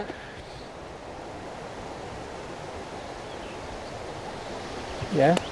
ja, det glæder mig også, at der kommer, der kommer mange op af dem her. Almindelig røn.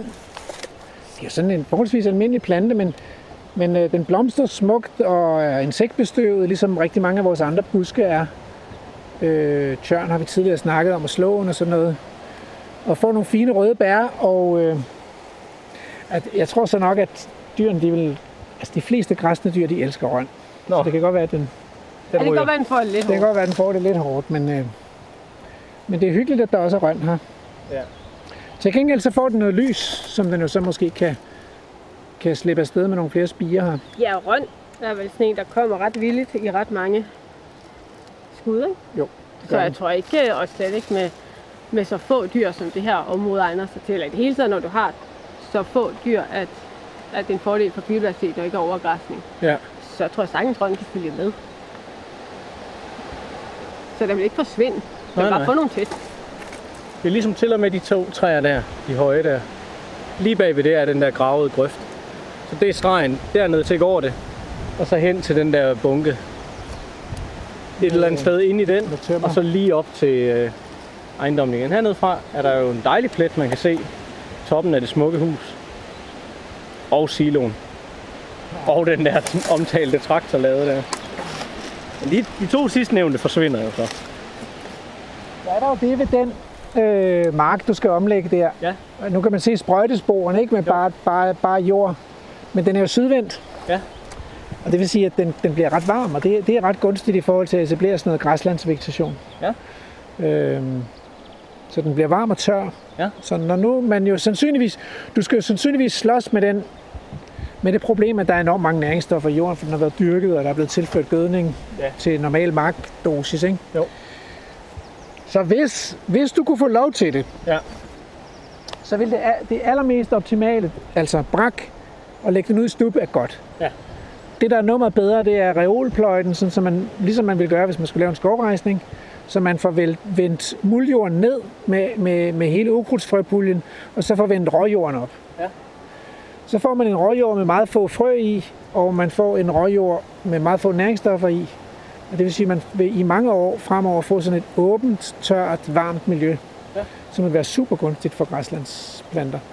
Og dem, der ikke er kede, eller dem, der ikke er glade for reolpløjning, det er typisk øh, museumsfolkene, som er bange for, at der går arkeologi tabt, hvis, okay. der, ligger, hvis der er arkeologiske spor her. Det, det, de vil sikkert, måske vil de have en mening om det. Jeg ved ikke, hvad man, hvilke tilladelser man skal søge, når man skal lave sådan noget skovrejsning, men igen, så vil det være noget, man måske kan snakke med kommunen om. Ja. Jeg vil ikke lave skovrejsning, men, Nej, jeg, nej. men jeg vil lave reolpløjning, ikke? Og det er ikke bare en almindelig plov, man bruger til det. Nej, jeg tror, det er en særlig plov faktisk, fordi man skal ned, og den, den, den, den vender simpelthen, øh, øh, pløjer sådan, at man får vendt, vendt jorden på hovedet, om jeg så må sige. Okay.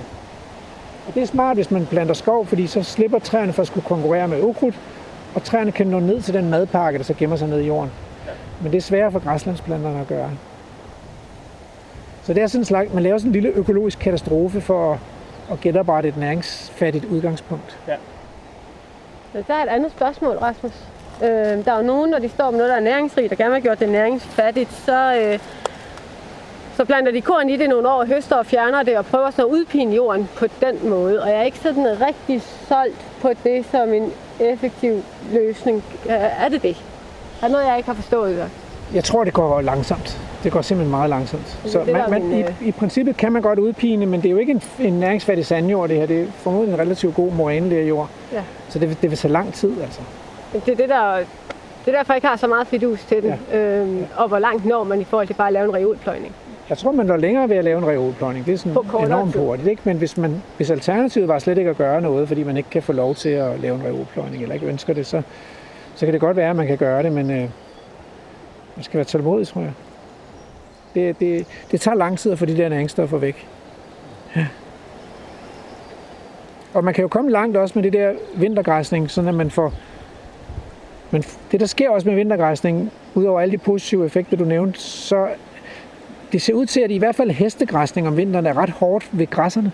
Det er som om, at hestene får ødelagt græssernes vækstpunkter på en eller anden måde, så de ikke kommer igen om foråret. Og så pludselig så har man bare bredbladet urter, og så bliver man sådan lidt glad som botaniker. Fordi vi har ved Gud meget græs i det land her. Mm. Altså, kunne vi gå ned til den grøft og kigge? Ja da. Fordi vi skal jo se, hvor, hvor er det, det vand kommer ud af systemet her. Stine, vil, vil det bedste være, hvis jeg skal bare have det som frugttræ og det der, så hegne det med, og så tage det flere dyr, eller hvad? Altså nu også, når Rasmus han siger, at det er godt at få nogle heste ind og, og gnave i det der. Ja, det synes jeg da. Og øh, man kan sige, jo større området er, jo større, jo længere tid kan dyrene gå her. Optimalt, så for biodiversiteten skal dyrene gå her alle 12 måneder over. Mhm.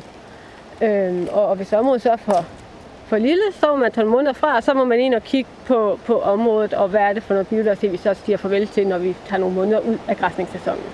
Men øh, hvis du kan udvide det til, at det faktisk kan bære græsning 12 måneder om året, så vil det jo bonge enormt positivt ud. Det er 4,5 hektar så, hvis det med, og Ja. det her skov. Er vi ude i noget Galloway kvæg så? Nej, det vil jeg ikke hvad hedder den lille der? Dexter. Ja, er Ja. det mere sådan en? Vi er nok mere Dexter, end vi er Galloway. Nå. Men øh, altså, jeg har helårsgræsser 4 hektar med Shetlandsponyer. Det fungerer godt. Ja, okay. Hvor mange har du på det så? Det varierer lidt afhængig af, hvor meget næring der er i. Men mellem 2 og 4. Så skal jeg bare lige have fat i nogle Shetlands ponyer. Men ellers så prøv... Altså, de er ikke... Jo, relativt. Jo. Altså, jeg har kigget lidt på den blå avis, ikke også? Ja. Islandsk hest er i hvert fald overraskende dyrt. Lige nu er priserne enormt dyre. Det har corona har fået øh, efterspørgsel med Shetlandsponyer til at sige helt vildt, har jeg ved det, corona der gør det. Mhm. Folk går hjemme, og Ja. så har et lille stykke jord, og de skal have tiden til at gå med noget, så køber Ja. nogle Shetlander. Så efterspørgselen er steget enormt. Mm. Og noget med ponykørsel også er blevet mere populært. Så der er i det hele taget kommet efterspørgsel, som slet ikke var der for tre år siden. Mm-mm. Der kostede de ingenting. Så lige nu, der er, skal man faktisk betale noget for at få en Shetlandspony. Okay. Men, øh, men sammenlignet med islandske heste, er de meget, meget billigere. Ja. Og de er billigere, hvis du holder øje med markedet, dukker også nogle, nogle billige Shetlander op. Mm. Men, øh, men du kan ikke bare tage revl og krat og sætte ud et sted som her. Altså, hvad vejer sådan en Shetlands øh, pony? 100-120 kilo for de 120 små, kilo, og så kan de okay. komme op på 150 til de store. Altså fordi vi har vores Shetlands ponyer miniatyr. Miniatyr er de små, og Shetlands ponyer er øh, 90 til 110 cm, sådan noget den stil. Nå.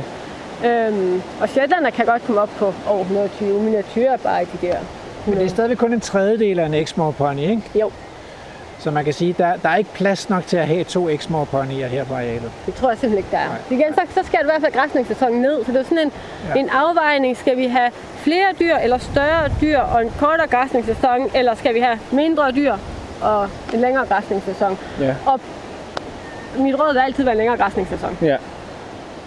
Det er da også bedst. Hvad skal jeg ellers med dem? Ja, det er det. Jeg kan jo ikke sige De skal jo opla- oplage og opstalles så. Ja, ja. Og så skal du fodre på dem. Og... Nej, det du ikke. Men hvordan, Stine, når du siger, at jeg kan ikke tage hvad som helst, hvordan ved jeg, hvad jeg kan tage så? Jamen et, et område så næringsrigt som det her, så skal vi jo være opmærksomme på, som vi også har spurgt ind til, kan de tåle at gå her. Mm. Så hvis det er Shetlander, der tidligere har været forfangne, Hvis de har været forfangne en gang, så er de mere tilbøjelige til at blive det igen. Okay. Så jeg vil undgå alle heste, der har en historik med forfangenhed. Ja. Øhm, så er der overvægt, fordi overvægt og næringsrig kost Ja. er, er noget af det, der giver forfangenhed. Okay. Så øhm, når man kigger på en...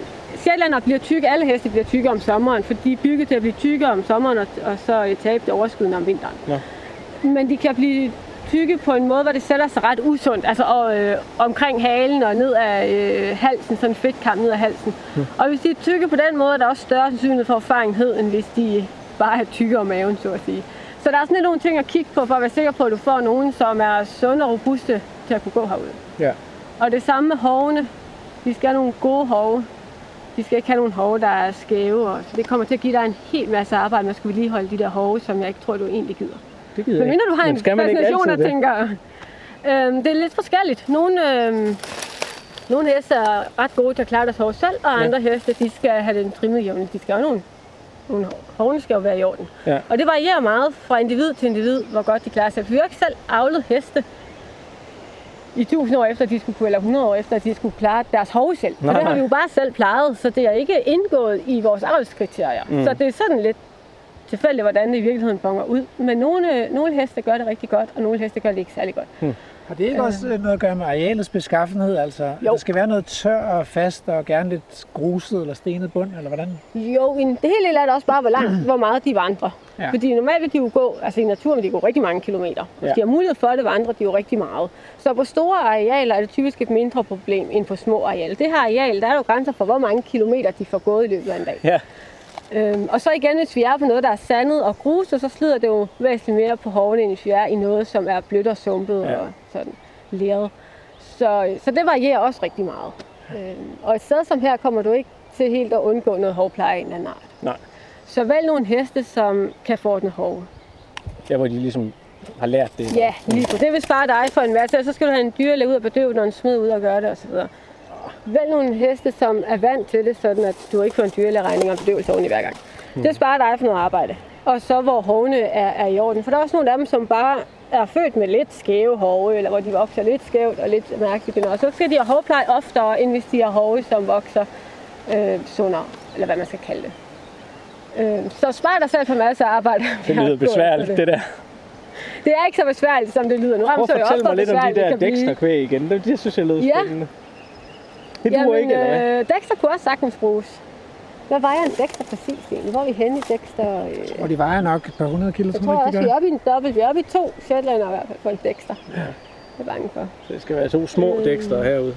Ellers så gør du igen bare sæsonen kortere, men det bliver så lidt på bekostning af noget biodiversitet. Ja, det duer ikke. Og det er svært at komme op og ride på. Der er også noget der. Og så, er der, prøv noget, og så er der, klog, så er der også noget Er det? på dem. Ja. Nå. Hvor meget ved jeg så ikke Nej, nej, nej. præcis. Øhm, Det er da de der Shetlander.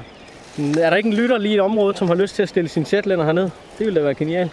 Ja, en, øh, en mand, øh, en handlingsmand. Ja, Men prøv at høre, øh, hvis du er det, skal du så ikke også have en rendekraver egentlig? Det er sådan en stor gul maskine, som øh, også Uffe ville elske at lære at køre Ja, rundt i. det er rigtigt. Men du har ikke tænkt på at få dig en rendekraver? Nej, jeg havde tænkt på en traktor med frontlæsser. Det er heller ikke så dårligt, fordi der er jo nogle af de sten her, hvor Ja. man tænker, det er fandme ærgerligt, de ligger her i, øh, i den her bunke. Ikke? Jo. De skulle ud og ligge i det der græsningslandskab, Ja. ligesom de gjorde i gamle dage. Ja. Og så, og så bliver de jo begroet med laver, fordi dyrene græsser omkring dem, så, øh, så, så de bliver hele tiden holdt lysåbne, og de ligger der i, så kan de ligge der de næste tusind år. Ja. Men, øh, men det er jo ikke, de store sten her, det er jo ikke sådan noget, man flytter ud med håndkraft, der skal man jo have en maskine til det. Ja.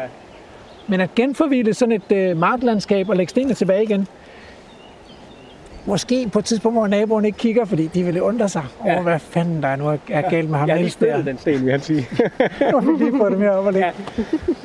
Men det synes jeg, der er sten nok her. Altså, Ja, ja, ja. ja. Tage, og nogle af, de, nogle af de store, de kunne altså blive flotte, hvis de lå i sådan en græsningslandskab. Der er jo allerede sådan nogle øh, runde plamager af laver på, på den, der ligger her, som, som Emma står på. Og, øh, og de, kan, de kan blive, sådan nogle kampesten, de kan blive enormt flotte Ja. med sådan nogle store skorpelaver på. Og der går man bare efter de største af stenene, Ja, eller hvad? simpelthen. Ja. De største og flotteste. Sådan. Så har man så besluttet sig for, at man ikke skal lave høslet med maskinen på marken, ikke? Jeg, det er har, også- jeg er også mest til le, Jamen, det er godt. faktisk. Ja, der kan man godt slå rundt om sådan nogle sten. Ja, det kan man. Altså, jeg, jeg, jeg var lidt nysgerrig efter at se den der Ja, øh, bæk. derned. Du lytter til Radio 4. Jeg havde jo tænkt, Stine, kan jeg vide, om det kunne være smart at lade hestene drikke af det? Men nu hvor jeg kigger på den, det er jo mest mudder, sådan set. Ja, lige nu er der ikke så meget. Tør nok op i løbet af juli. Den bevæger sig sommeren, lidt ja. der. Ja, men når den kommer en måned længere hen, så er det ikke sikkert, at der er meget mere vand i den. Nej, det er ikke sikkert. Men det, det er en dræn, altså det er ikke en bæk, det er en drænkanal, som tager vandet ud fra, øh, måske noget, det ved jeg ikke, det er skov, men i hvert fald ud fra den mark der, som bondemanden stadig har. Så det kommer herind og løber herned af og ned i øh, den store Det drænbrønd. er nok heller ikke det mest optimale drikkevand. Nej, det er det nok ikke. Man må ikke lade dem sådan drikke af sådan noget dræn der. Det er selvfølgelig nok sprøjtet. I eller Altså, give dem en anden vandressource også. Ja, Det er jo lidt ærgerligt, at man ikke kan lade det her naturområde forsumpe, ikke? Men, øh, og grunden til, at man så ikke kan det, som du siger, det er, fordi det er, det er et transitområde for drænvand, Ja. som skal ledes væk fra markerne. Og, så, og det er jo meget godt, synes jeg, at bruge det som anledning til at, at forklare, hvorfor store naturområder er så vigtige i Danmark. Og det er jo fordi, at når man har de her små naturområder, så er der alle mulige krav fra naboerne, ikke? Mm. som handler om, at man vil, ikke, man vil selvfølgelig ikke have græsne dyr på markerne, det er noget rod, ikke? Og man vil heller ikke have vand på markerne, det skal ledes væk, så det må heller ikke være i naturområderne ved siden af, og tilsvarende problemstillinger har vi ude ved kysten, hvor der, hvis, ikke, hvis der ligesom er andre materielle interesser, så er man nødt til at lave kystsikring og bygge diger og sådan noget. Så kan man ikke have, havet kommer ind over strandingen og sådan noget. Mm. Så, øh, så der er en grund til, at det giver mening at have i store sammenhængende naturområder. Der er bare nogle ting, der er, lige meget hvor gode dine intentioner er, så kan du ikke slippe, slippe afsted med at lade det her blive til en naturlig sumpskov. Altså, jeg tænker på, om vi skulle, simpelthen skulle gå op øh, på gården igen. Det kan ja. være, vi, vi kan gå op langs med hegnet måske og se, hvad der Ja, vokser i det. Og så, og så kunne vi runde af deroppe. det er perfekt. Og det er den her En stor røn der. Når du siger, at dyrene de går til den, altså den vil vel klare det, eller, hvad? eller er det barken også? Vil de ikke bare fjerne blade i det omfang, de kan nå? Havde det været krondyr, så havde de startet med, det var det første, de havde gjort, at spise barken. Er det rigtigt? Fuldstændig. Ja. ja. Men jeg ved ikke, hvad heste gør faktisk. Heste kan godt gå på bakken også. Ja. Men i mindre omfang, så de vil nok tage bakken på nogle af rønner eller nogle andre rønstøv. Mm. Så nogle vil klare sig, og nogle vil ikke klare sig. Ja, fint.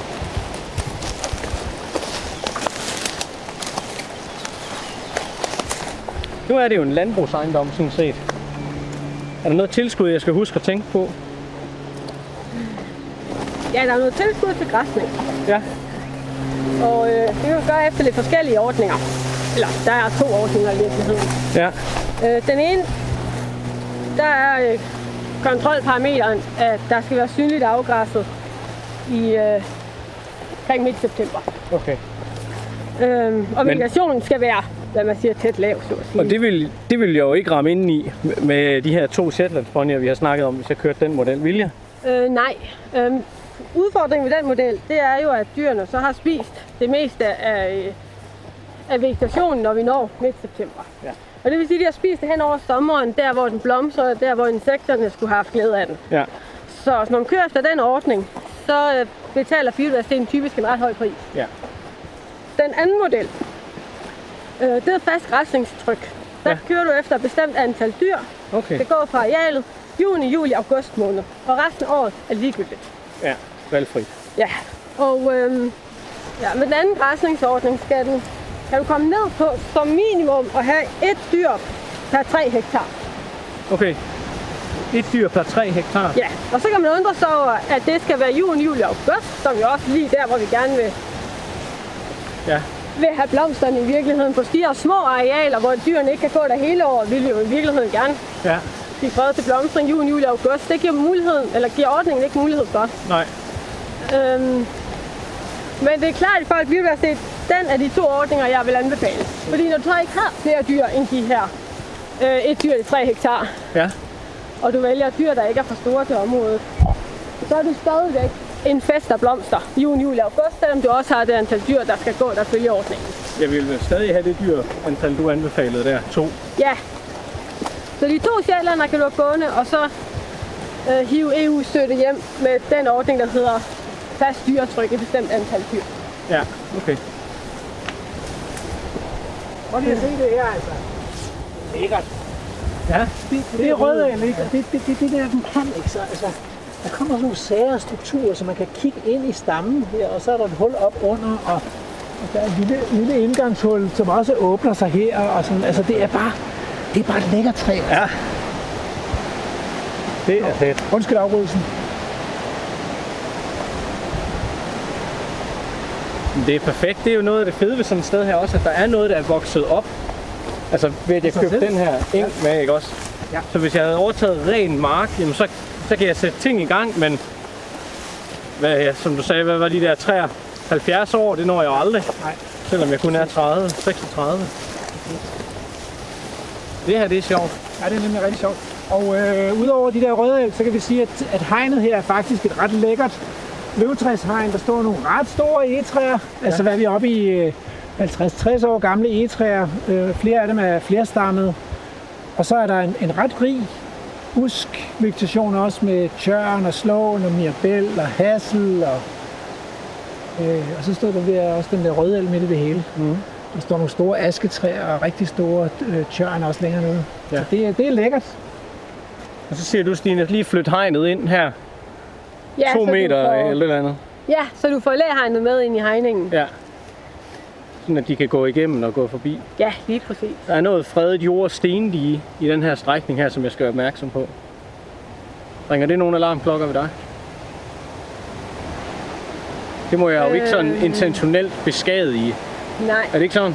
det må du ikke. Øh, og det kunne godt være et argument for Sjællandsbåndier frem for Dexter i det, at de vejer lidt mindre. De skader ikke så meget. Ja. Men øh, hvis der er et fredet dige, så slipper du ikke for at skulle ind om kommunen. Okay. Og min erfaring er, at det faktisk varierer overraskende meget fra kommune til kommune. Hvad de synes om det? Ja. Nå. Oh, her er der noget igen. Et lille, et lille klenode her. Det er jo en øh, old gammel, old tusse gammel sælgepil. Formodentlig selvtået her. Øh, grenet og med en tyk stamme og med hulhed og ro bark og sådan noget.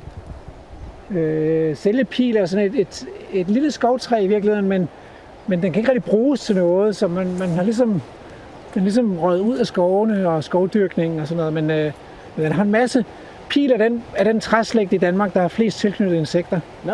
Så den har øh, vildt mange forskellige insekter. Den mest spektakulære er måske den sommerfugl, der hedder iris, som, som har sådan en stor sommerfugl, som når den åbner vingerne i solskin, så iriserer den blåt, så så får man sådan en knaldende blå blink ud af det. Det er virkelig, altså wow. iris er virkelig en fed sommerfugl. Virkelig en stor, stor gammel sælgepil. Ja. Den, øh, den må I skulle passe på. Hvordan passer jeg på den, Rasmus? Jamen, det ved jeg ikke. Jeg tror, den, den, hvis du ikke fælder den, så har du passet godt på den. Perfekt. Vil det hjælpe noget at fælde de ting, der er rundt om? Jeg tror, pilen klarer sig til synligheden udmærket her. Altså, Den står ikke, jo lige står. op om mit øh, kommende hestehus der. det er rigtigt, ja. Så, øh, så, Men den rører ikke men- ved det. Det er fint nok. Ja, og så kan pil kan tåle blive beskåret. Ja. Så man kan godt skære en gren af, og så skyder den igen. Og så, altså, det, ja. Bare man ikke skærer hovedstammen ned. Der er brækket en gren af deroppe, kan man også Ja. se. Så den er helt sikkert noget til veteranalderen. Det er jo den bedste alder. Fedt. træer. Måske kommer der nogle ahorn op på den anden side og skygger, så dem kunne man styne. Ja. Ja, det kunne da godt gøre derom. Så er der brænde. Nemlig. Det er svært at, eller ikke nemt at få øh, biodiversitet og brændeovn til at gå hånd i hånd altid. Nej, godt høre. Jeg vil lige skrive ind på Facebook-gruppen, hey, jeg har øje på det her træ. nu er det. Ja. Det her var der en ret sjov brand, øh, ahorn, som, som har jo har fået lov at vokse op af huset her. Og så, altså, ind til huset og udenom og rundt, og den er sjov, den her. Wow, ja. Så den ender jeg heller ikke at gøre noget ved. Måske lidt af med de her. Men øh, som sagt, ahorn tåler også at blive øh, beskåret og, øh, og udvikler faktisk nogle af de der hulheder, hvis man, hvis man skærer dem lidt ned i den. Ja. En sky af bladlus.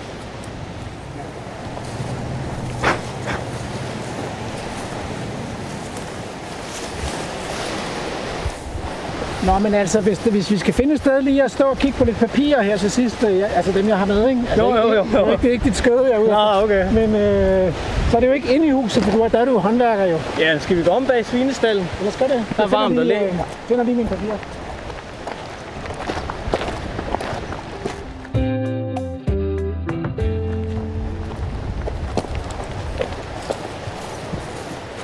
Der har tidligere været sådan en meget populær gåtur her åbenbart forbi. Det er derfor, jeg har slået græsset her. som får inviteret til, at der er kommet nye ejere. Bliv endelig ved med at gå. Og så op langs det læhegn. Men bundemanden, han har lige, da det blev en ny ejer, trukket stien med i marken. Så der er ikke nogen gåsti længere rigtigt der. Desværre. Jeg vil pænt at der åbne op for folk, fordi vi ser det jo tit, at lodsejerne lukker af for, for de der stier, hvis de er komme til det. Ja. Så det er fedt at se, Nå, at du gør det modsatte.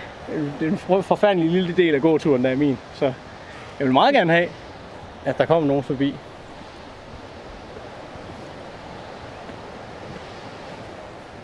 Der ligger også masser grus der, det kan du også sprede ud.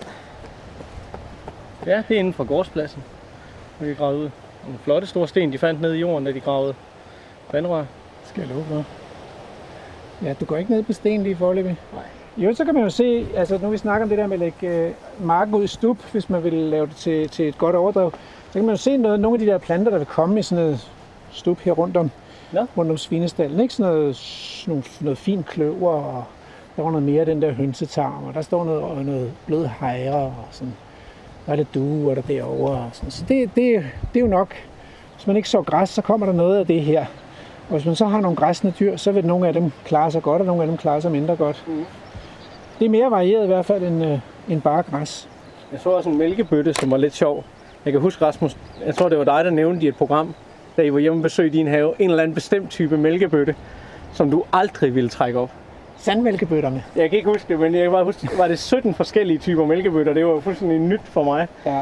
Der er en masse sektioner, og nede i sektionerne er der en masse småarter og sådan noget. Det er faktisk en hel videnskab at bestemme mælkebøtter. Altså. ja. Nå, men se, øh, nu- nu skrev du jo til os, ikke? Og så øh, så tænkte jeg, jeg skal se, hvad det her er for et sted. Og så gik jeg ind på, øh, på biodiversitetskortet inde på Miljøgis. Og så det første, jeg gjorde, det var at slå de gamle kort til. Nå. Det her det er vist de høje målebordsblade. Og det vi har været inde og kigge på, altså, det er det, det, det areal her, så er det Ja. skovkanten hernede. Jo. Ikke? Og der har også historisk set været, været eng, altså Okay. i mange år. Og så kan man se på de lave målebordsblade, kan man se, at der, er ligesom, der går ligesom sådan nogle drænsystemer her i kanten af marken. Ja, ja. Det har sikkert været åbne grøfter, og nu er de nok blevet lagt i dræn ned i jorden. Ja. Øhm, og så mødes de derinde, og så går de Ja. så sammen videre. Og må ikke de går ned til det vandløb, Jo. der løber på den anden side af vejen her? Jo. Et, et eller andet sted, så, Og så ryger det til? Horsens Fjord. Jo, det Ja. må være det. Øhm, så traditionelt set har der faktisk også, selv på de her gamle kort, er der træsignaturer, ikke? Og det har sikkert Jo. været et græ- åbent græsningslandskab, men der har altså stået træer Ja. i lang, lang tid. Og det er også derfor, vi så både anemone og bængelurt dernede. Så det er skov med lang kontinuitet. Mm. Så det, det i sig selv har også en værdi. Det er ikke sådan noget nyplantet skov i en, i noget klitplantage eller sådan Nej. noget. Det er lang kontinuitet, så det er godt.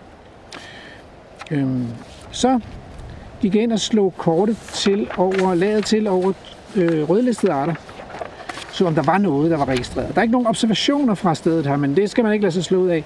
Til gengæld er der nogle arter, der, der vides at, at, at flyve eller eksistere i det landskab omkring, hvor din ejendom ligger. Ja. De er jo interessante, fordi man måske kan invitere dem ind. Ja. Okkergul pletvinge, øh, en sommerfugl, der hvis larver lever på øh, lancetbrædbred. Ja. Isblåfugl, en sommerfugl, hvis larver lever på musevægge. Spættet bredpande, jeg kan ikke lige huske, måske er det sølvpotentil, det kan jeg faktisk ikke lige huske. Mm. Det hvide ved, den talte vi om før, Ja. den går på øh, elm. Ja. Guldhale går på slåen, og du har ret meget slåen her øh, i hegnene. Og det er jo sådan en art, som med stensikkerhed vil vandre ud Ja. på de arealer, der bliver til græsningslandskaber, fordi den, den, den er så stikkende, så den kan ligesom lave sådan nogle lave krat Ja. øh, i græsningslandskabet. Ja, det er sikkert den, jeg troede, der var øh, Mirabelle eller sådan et eller andet. Der er sikkert også Mirabel, og den kan lidt af det samme, men okay. Slåen er endnu mere modstandsdygtig. Ja. Øhm, rød glente, Ja. så du, du må jo se den indimellem. Jeg har lige set den i dag. Ja. Fuldstændig lige her henover. Og så er der en, Kan jeg få den til at bo nogle steder?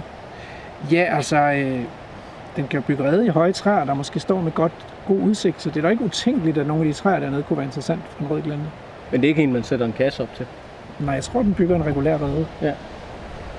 Men så er der øh, slørugle, også i det landskab her. Nå, Altså, jeg er jo ikke nogen stor fuglespecialist, vel, men jeg mener, at slørugle godt kan bruge gamle landbrugsbygninger. Ja. Altså, hvis der, er, hvis der er åbent, så den kan flyve ind og ud. Ikke? ja, det kan der blive, hvis, hvis den kommer. Det, jo Så, det, ja, altså, det det. det, kan være, at den allerede har været her. Det ved, hvad ved jeg, om Ja. hvem der har slørugle i nabolaget. Øhm, kejserkåbe, en stor perlemorssommerfugl, hvis larver lever på violer. Øh, den er jo typisk knyttet til sådan noget, nogle, nogle kratlandskaber, hvor der er violer. Vi så ikke nogen violer i dag, men der kan godt være nogle alligevel. Okay. knyttet ned til skoven. Og så dukatsommerfugl, som lever på, øh, på rødknæ og almindelig syre. Ja. Det var nogle af dem, man kunne håbe på at få ind på sådan en brakmark, der, der bliver lagt ud i succession. Ja. Så, øh, så det er nogle af dem, man kan, man kan håbe på. Og så, jeg kan godt lide det princip med, at man altid har champagne på køl, og hvis der så dukker en ny rødlistet art op, så, så, ryger, så ryger proppen af flasken. Ikke? Det er helt sikkert. Måske ikke lige den røde glænde, det vil blive. Ja, vi har set den mange gange. Men altså, det kan jo Men være hvis du bliver reddet på matriklen, Ja, 100. så Så er det hele Arkestrup, de får champagne. Ej, det er mega fedt. Jamen altså, er det ikke sådan, at vi... Vi ved jo ikke, øh, altså du ved, at du bor her om et år, det er i hvert fald sandsynligt, ikke? Ja. Ellers ville du ikke kunne i gang med det der Nej. hus. Nej. Men vi ved jo ikke, om vi laver vildspor om et år, men hvis vi gør det, Ja. så synes vi skal lave, øh, give hinanden håndslag på, og så kommer vi tilbage, Mega tjekker fedt. vi op på dig. Ja, mega fedt. Det vil være vildt godt. Det vil jeg meget gerne.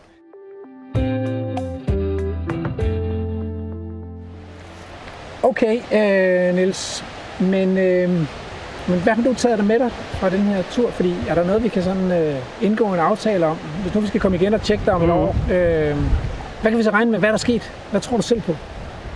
Jeg håber meget på det med at få nogle dyr på. Mm.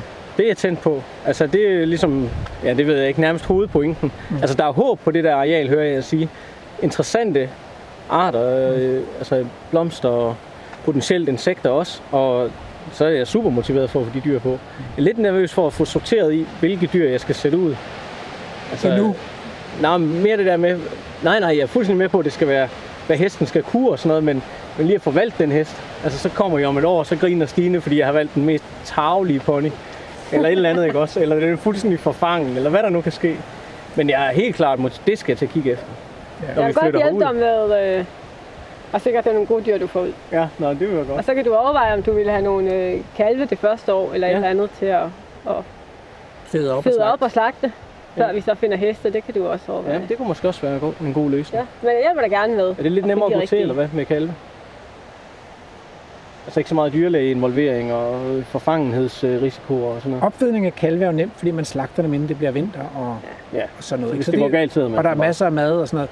Så det er ikke super god naturpleje, men, men her i starten kunne det være godt nok. Jo, bare til at komme til bunds, og så sætte heste på bagefter. Ja. Heste kan også godt spises. Det er jo ikke det. Du kan godt spise dig ud af problemet, hvis du bliver træt af dyrene det sidste, ikke? Jo, ja, Men- Men, men, øh, men altså- altså... kalve i opfedning øh, kunne være en fin måde at, at få det spist i bund til en start. ja.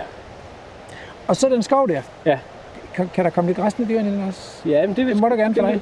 Ja, for os. Ja. Ja, ja for pokker. Ja. Ja. Det lyder til, at jeg skal spørge kommunen om det. Ja. Så det ved vi ikke Den skal jeg involvere. Ja. Helt sikkert. Det skal Også- jeg undersøge. Både skoven og jorddiget. Ja, helt sikkert. Nå, men det, ja. Og så er der den mark der. Ja. Du har reserveret noget af den til noget prydning og æbletræer. ja, jeg skal have mine projekter ud at stå, men det kunne også godt blive nogle... Altså, i hvert fald den nederste del. Ja.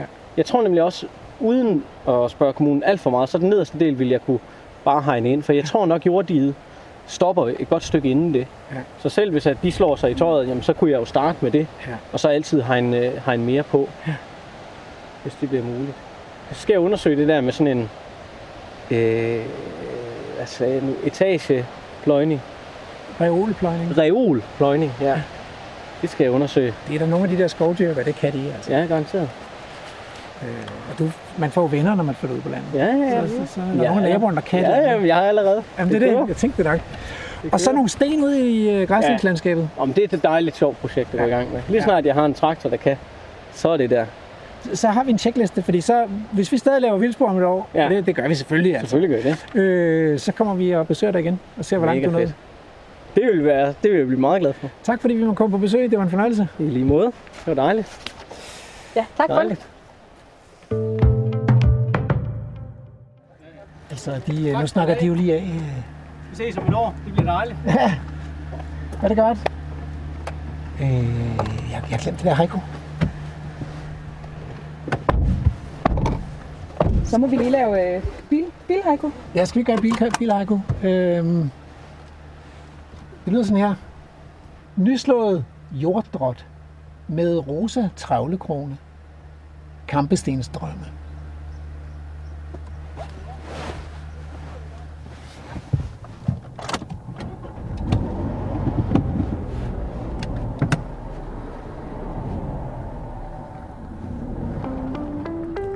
Programmet er produceret af Folkeuniversitetet og Aarhus Universitetsforlag for Radio 4 med delvis støtte af Åge Jensen Naturfond.